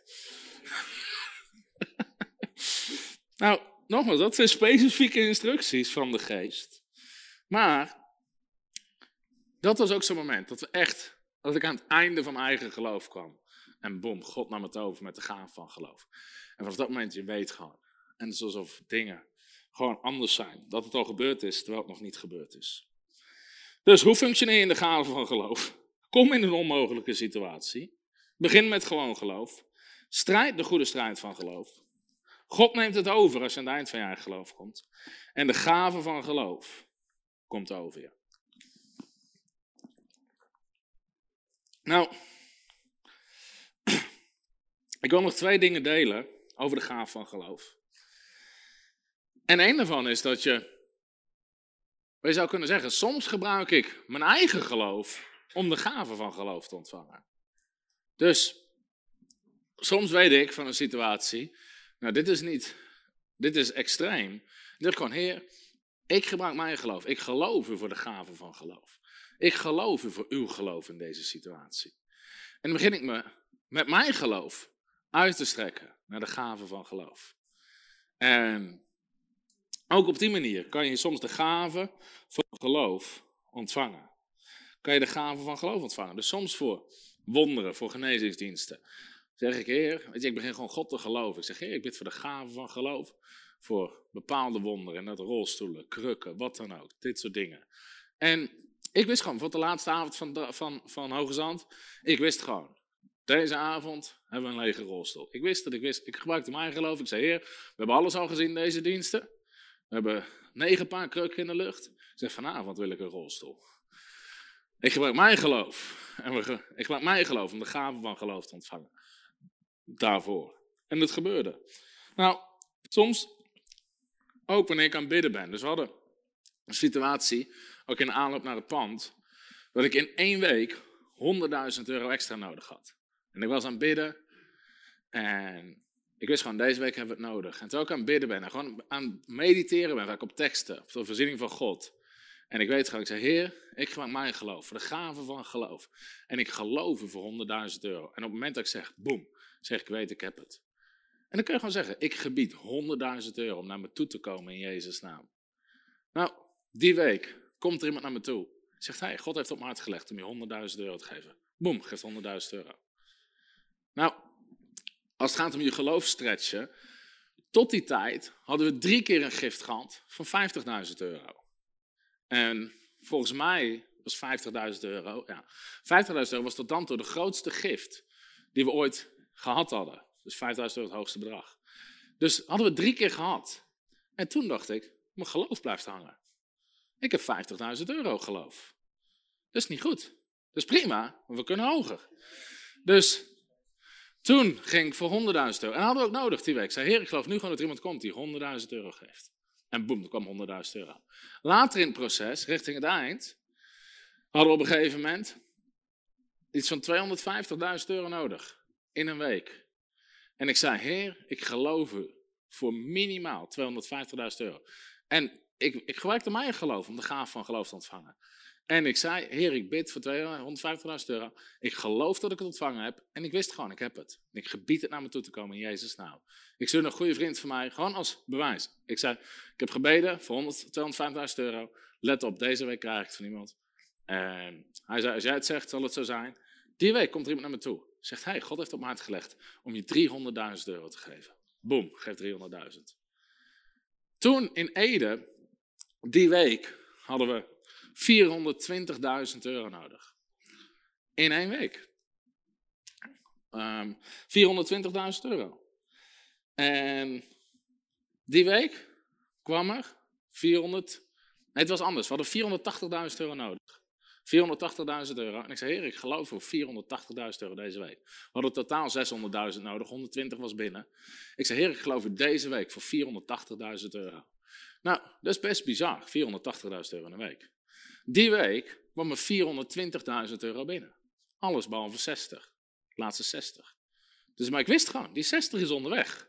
Want ik heb gaven van geloof, 480.000 euro deze week. En toen mailde iemand, hey, God heeft op mijn hart gelegd om een goudstaaf te offeren. En die gaf een goudstaaf. En met dat die persoon gaat om te verkopen, boem, schiet de schaaprijs omhoog. Dus goudprijs, goudstaaf van een kilo. De goudprijs, je kan het opzoeken, 9 maart dit jaar. De goudprijs schiet boven de 60.000 euro. Verkoopt die goudstaaf, boem, de goudprijs zakt weer terug naar 56.000 euro. Dus God stuurde gewoon een engel om, boem, die goudprijs de lucht in te schoppen. Waarom? Ik had de gaaf van geloof voor nog 60.000 euro. Dus dat is 60.000 en geen 55. En die 60.000 kan binnen. Dus iedere keer. Dus ik gebruik mijn eigen geloof om de gave van geloof te ontvangen. Dus ik ben God aan het geloven. Dat er gewoon iemand gaat komen die zegt, hier heb je een miljoen. Boom. Die gewoon een miljoen zaait. Sommigen zeggen, dat is nog nooit gebeurd. Dan gaat het gebeuren. Ik geloof God voor miljoenen. En gewoon panden. Ik geloof God gewoon dat mensen ons panden zullen geven. En we hebben het al eerder gehad, toen we een loods nodig hadden. Na een dienst komt iemand naar me toe, ik geef me een stel sleutels. Ik zeg, wat is dit? Hij zegt, dat is een pand. Opslagloods. Hebben we nu 80 pallets met boeken staan. Kregen gewoon. Boom, hier heb je een loods. Staan 80 pallets met boeken. Dus, maar je begint je geloof te gebruiken om de gave van geloof te ontvangen. Want 100.000, 480.000, een miljoen. Dat is niet jouw geloof, dat is Gods geloof. Bam, wat door je heen gestroomt, wat spreekt en het gebeurt. Dus gebruik je eigen geloof om de gave van geloof te ontvangen. En daarnaast, en dat is het laatste wat ik hierover wil zeggen, over de gave van geloof. Alle gaven zijn besmettelijk. Alle gaven zijn besmettelijk. Dus als je kijkt naar bijvoorbeeld iemand die heel sterk functioneert in de gave van profetie. Of een profeet die sterk functioneert in de gave van profetie. Als die aan het zoals je bent in zijn aanwezigheid, is het voor jou in één keer makkelijk om te profeteren. Waarom? Je functioneert eigenlijk onder zijn zalving. En je pikt daar iets op. En net zoals in de Bijbel dat je ziet, Elisa liep mee met Elia. Weet je, de discipelen liepen mee met Jezus. En wat Jezus de standaard was, werd hun standaard. Want ze liepen mee met Jezus. Dus ze pikten op waar hij in wandelde. Dus wanneer je meeloopt met een profeet, wordt het in één keer makkelijk om te profiteren. Als je mensen hebt die sterk functioneren in tongentaal en vertaling daarvan, binnen no time, boem, begint het door jou heen te stromen. Waarom? Die gaven van de geest werken als het ware besmettelijk. Werken besmettelijk. Het kan van de een op de ander komen. Nou, hetzelfde werkt met gaven van genezing. Soms zeggen mensen, ja, maar ik geloof hetzelfde. Weet je, waarom zie ik het niet? Altijd wat ik zeg, ga meelopen met mensen die resultaat hebben. Ga meelopen, koppel ergens aan die zalving en begin onder hun zalving te functioneren. Weet je, er zijn twee manieren van vuur maken in de wildernis. Je kan of zelf met een houtje zitten rollen en wacht tot er een vonkje komt. Of je klimt in een boom, zoekt iemand die vuur heeft, gaat daarheen en pakt van zijn vuur. Nou, zo werkt het met de dingen van de geest. Als je veel omgaat met mensen die zien in de geest, onderscheid van geest, dan gaat dat functioneren in jouw leven. Maar zo werkt het dus ook met de gave van geloof. En daarom is het goed gewoon om regelmatig onder geloofsonderwijs te zitten. Omdat die gave van geloof, boem, begint op jou te functioneren. Wie merkt dat tijdens deze faith school dat je het makkelijker vindt om God te geloven voor dingen dan hiervoor?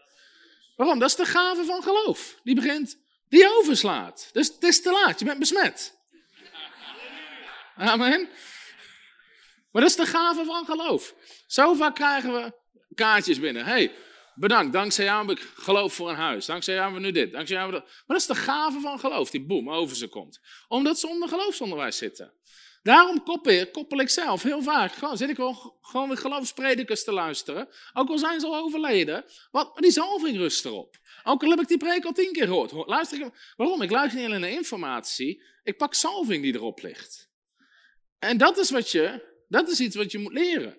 Er ligt zalving op. Dus ik zie altijd, wanneer wij beginnen te prediken, we hebben een zalving om mensen radicaal te maken. Dus mensen worden gewoon radicaal voor de Heer. En mensen beginnen God gewoon te geloven. Voor dingen waar ze God daarvoor niet geloofden. Omdat die zalving van geloof, die springt op ze. Dus als mensen met ons meelopen met bediening, wij denken niet in het niveau van 100 euro. Wij denken in het niveau van miljoenen euro's. Dus je trekt mensen sneller naar waar je nu bent. We trekken ook mensen, we zijn nu Afgelopen jaar twaalf nieuwe kerken en bedieningen gestart, ook via frontrunners.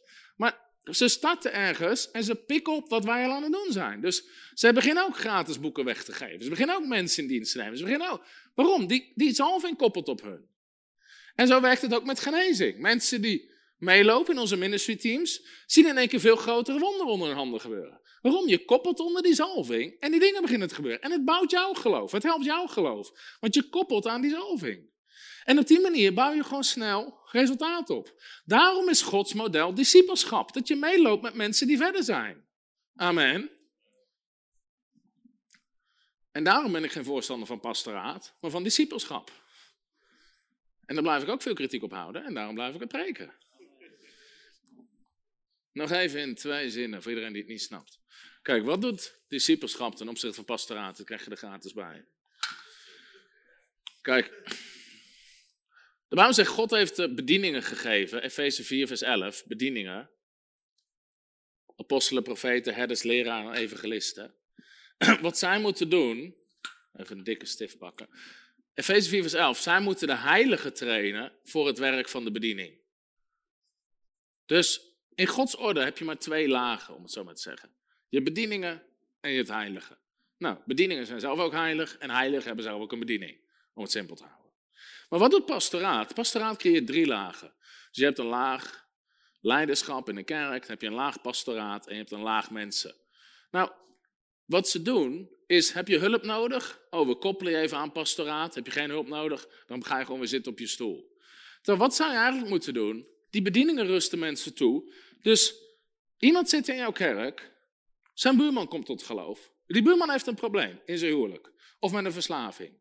Dan breng je die niet in de kerk en zegt, oh, heeft hij een probleem? Kom maar naar de afdeling pastoraat. Nee, dan gaan we jou helpen om je buurman te helpen. Maar nu gaan we de heilige toerusten voor het werk van de bediening. En dan brengt die buurman iemand mee. En die brengen we niet naar pastor. Maar nu gaat die buurman gaat diegene helpen. Ja, maar ik kan hem niet helpen. Oké, dan gaan we jou helpen om hem te helpen. Want dan kunnen daarna twee mensen hem helpen. Maar als ik het werk nu van je overneem, kan je nog steeds niks. Want je blijft, maar hoe, kan je ooit een opwekking hebben met duizenden mensen tot geloof als je met een pastoraal team werkt? Die al die problemen moeten oplossen. Die moeten die problemen helemaal niet oplossen. Je moet mensen discipelen. Discipelschap is Gods model. Heel goed stuk, Tom. Dankjewel. Halleluja. Prijs de Heer.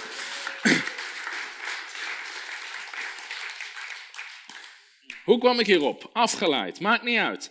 Gaven van geloof. Besmettelijk. Zo kwamen we erop. Discipelschap. Halleluja.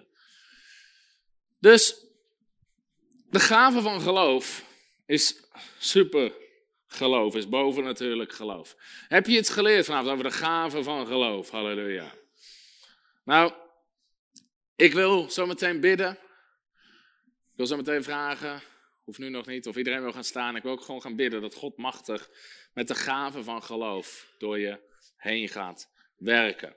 Voordat ik wat wil doen, omdat het ook de laatste avond is voor de vakantie. Ik wil je de kans geven om te geven, om te zaaien in de bediening. Ook iedereen die online kijkt. En ik wil ook iedereen vragen die nog geen partner is, om te overwegen om partner te worden. Want misschien is wel een mooie koppeling. Je mag nog heel even opzoeken als je bij me nog hebt, Filippenzen hoofdstuk 1. En anders pak je hem er weer bij. Filippenzen hoofdstuk 1.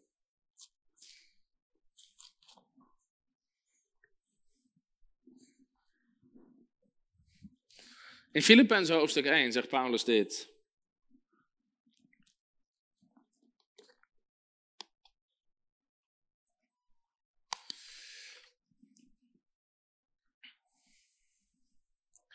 In vers 5, dan zegt hij, eerst zegt hij, ik dank God telkens wanneer ik aan u denk. En dat schrijft hij aan de gelovigen van de Filippenzen.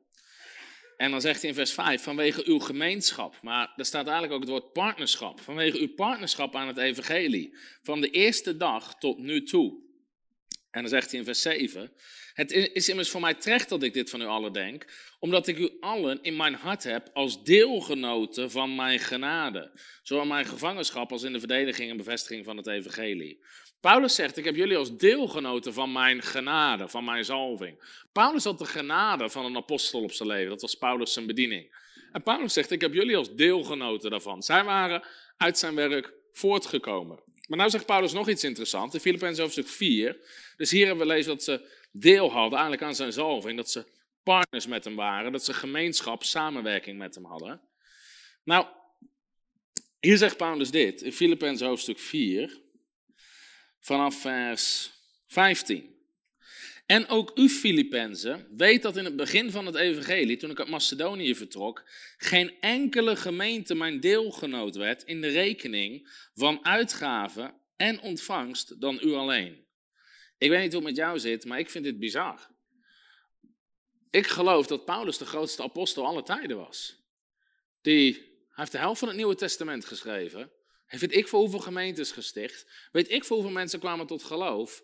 Nou, als zou je vandaag de dag zeggen, wie zouden willen, willen partneren? Wie zouden willen zaaien in de bediening van Paulus direct? Zouden we allemaal onze hand opsteken, toch? Zouden we meteen de wachtingskaart invullen? Als zouden we de kans hebben om, in Paulus zijn bediening te zaaien? Maar Paulus zegt, toen ik uit Macedonië vertrok, was er geen één gemeente. Dus al die gemeentes waren wel door Paulus gesticht, die mensen waren hem gezegend, maar ze deden niks terug.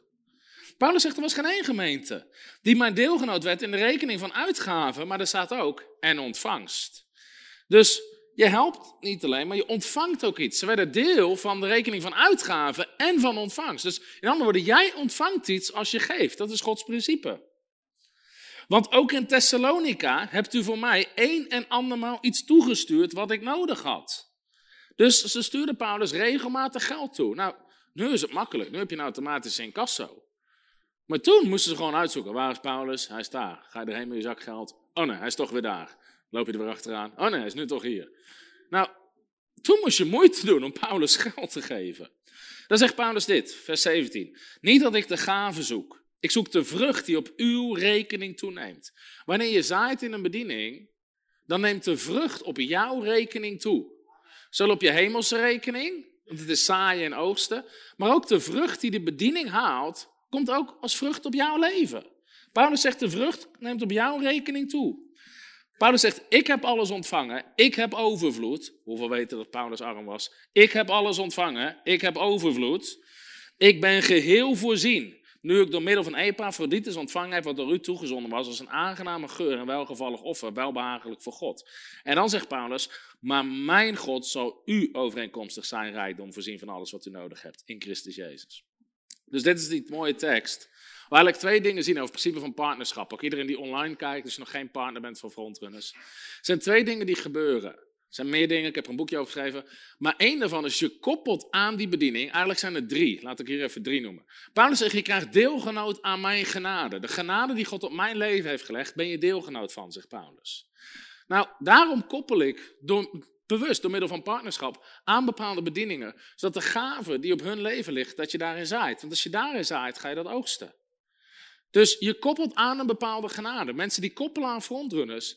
En je komt onder het onderwijs, je partnert. In één keer wordt het makkelijker voor wonderen in jouw leven. Want je koppelt aan die geloofsalving die daar zit. In de geest leg je een koppeling. Iets wat niet veel mensen snappen, maar dat is wel wat er gebeurt. Dus je koppelt aan de genade. Paulus zegt, de vrucht neemt op jouw rekening toe. Dus als je partner bent, je kan het zien als aandelen in een bedrijf. Als je een bedrijf, als je aandelen hebt en een bedrijf maakt winst, krijg je een stukje van die winst, want je hebt aandelen.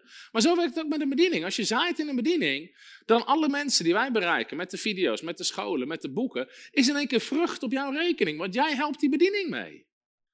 Dus je krijgt deel aan de vrucht. En Paulus zegt, jullie hebben mij in alles voorzien en God zal jullie in alles voorzien. Dus in één keer werkt het zaaien en oogsten principe werkt. Paulus schrijft dat niet random, hij schrijft het naar partners. Dus daarom is partnerschap zo krachtig. Je koppelt aan een bepaalde zalving, je krijgt deel aan de vrucht en je bent aan het zaaien en het oogsten. Dus dat is Gods systeem om het koninkrijk van God te bouwen. Dus als je nog geen partner bent, wil ik je uitnodigen om dat te worden. En ook iedereen die online kijkt, kan gewoon naar de website gaan en het invullen op frontrunnersministries.nl. En anders op een machtigingskaart. Als je een machtigingskaart ook in de zaal nodig hebt, steek even je hand in de lucht. Als je een machtigingskaart thuis, of als je ligt op je stoelen. Als je hem thuis nodig hebt, kan je heel lang je hand in de lucht houden, maar kan je beter naar de website gaan. Hebben we die online afbeelding, Lambert? Hallo, Tom de Wol hier en bedankt dat je weer geluisterd hebt naar onze podcast. Ik bid dat het je geloof gebouwd heeft en je bemoedigd bent. Als je niet alleen een luisteraar van onze boodschap wil zijn, maar ook een verspreider daarvan, wil ik je uitnodigen om partner te worden van Frontrunners. Door jouw maandelijkse donatie help je ons om dit evangelie van Jezus Christus en het woord van God over heel de aarde te brengen. Om partner te worden, ga naar www.frontrunnersministries.nl slash partners en word partner. Hartelijk bedankt en tot snel. Heb je ook zo genoten van deze inspirerende boodschap van Tom de Wal? Abonneer je dan op deze podcast. Volg ons op Facebook en op Instagram en kijk op onze website frontrunnersministries.nl.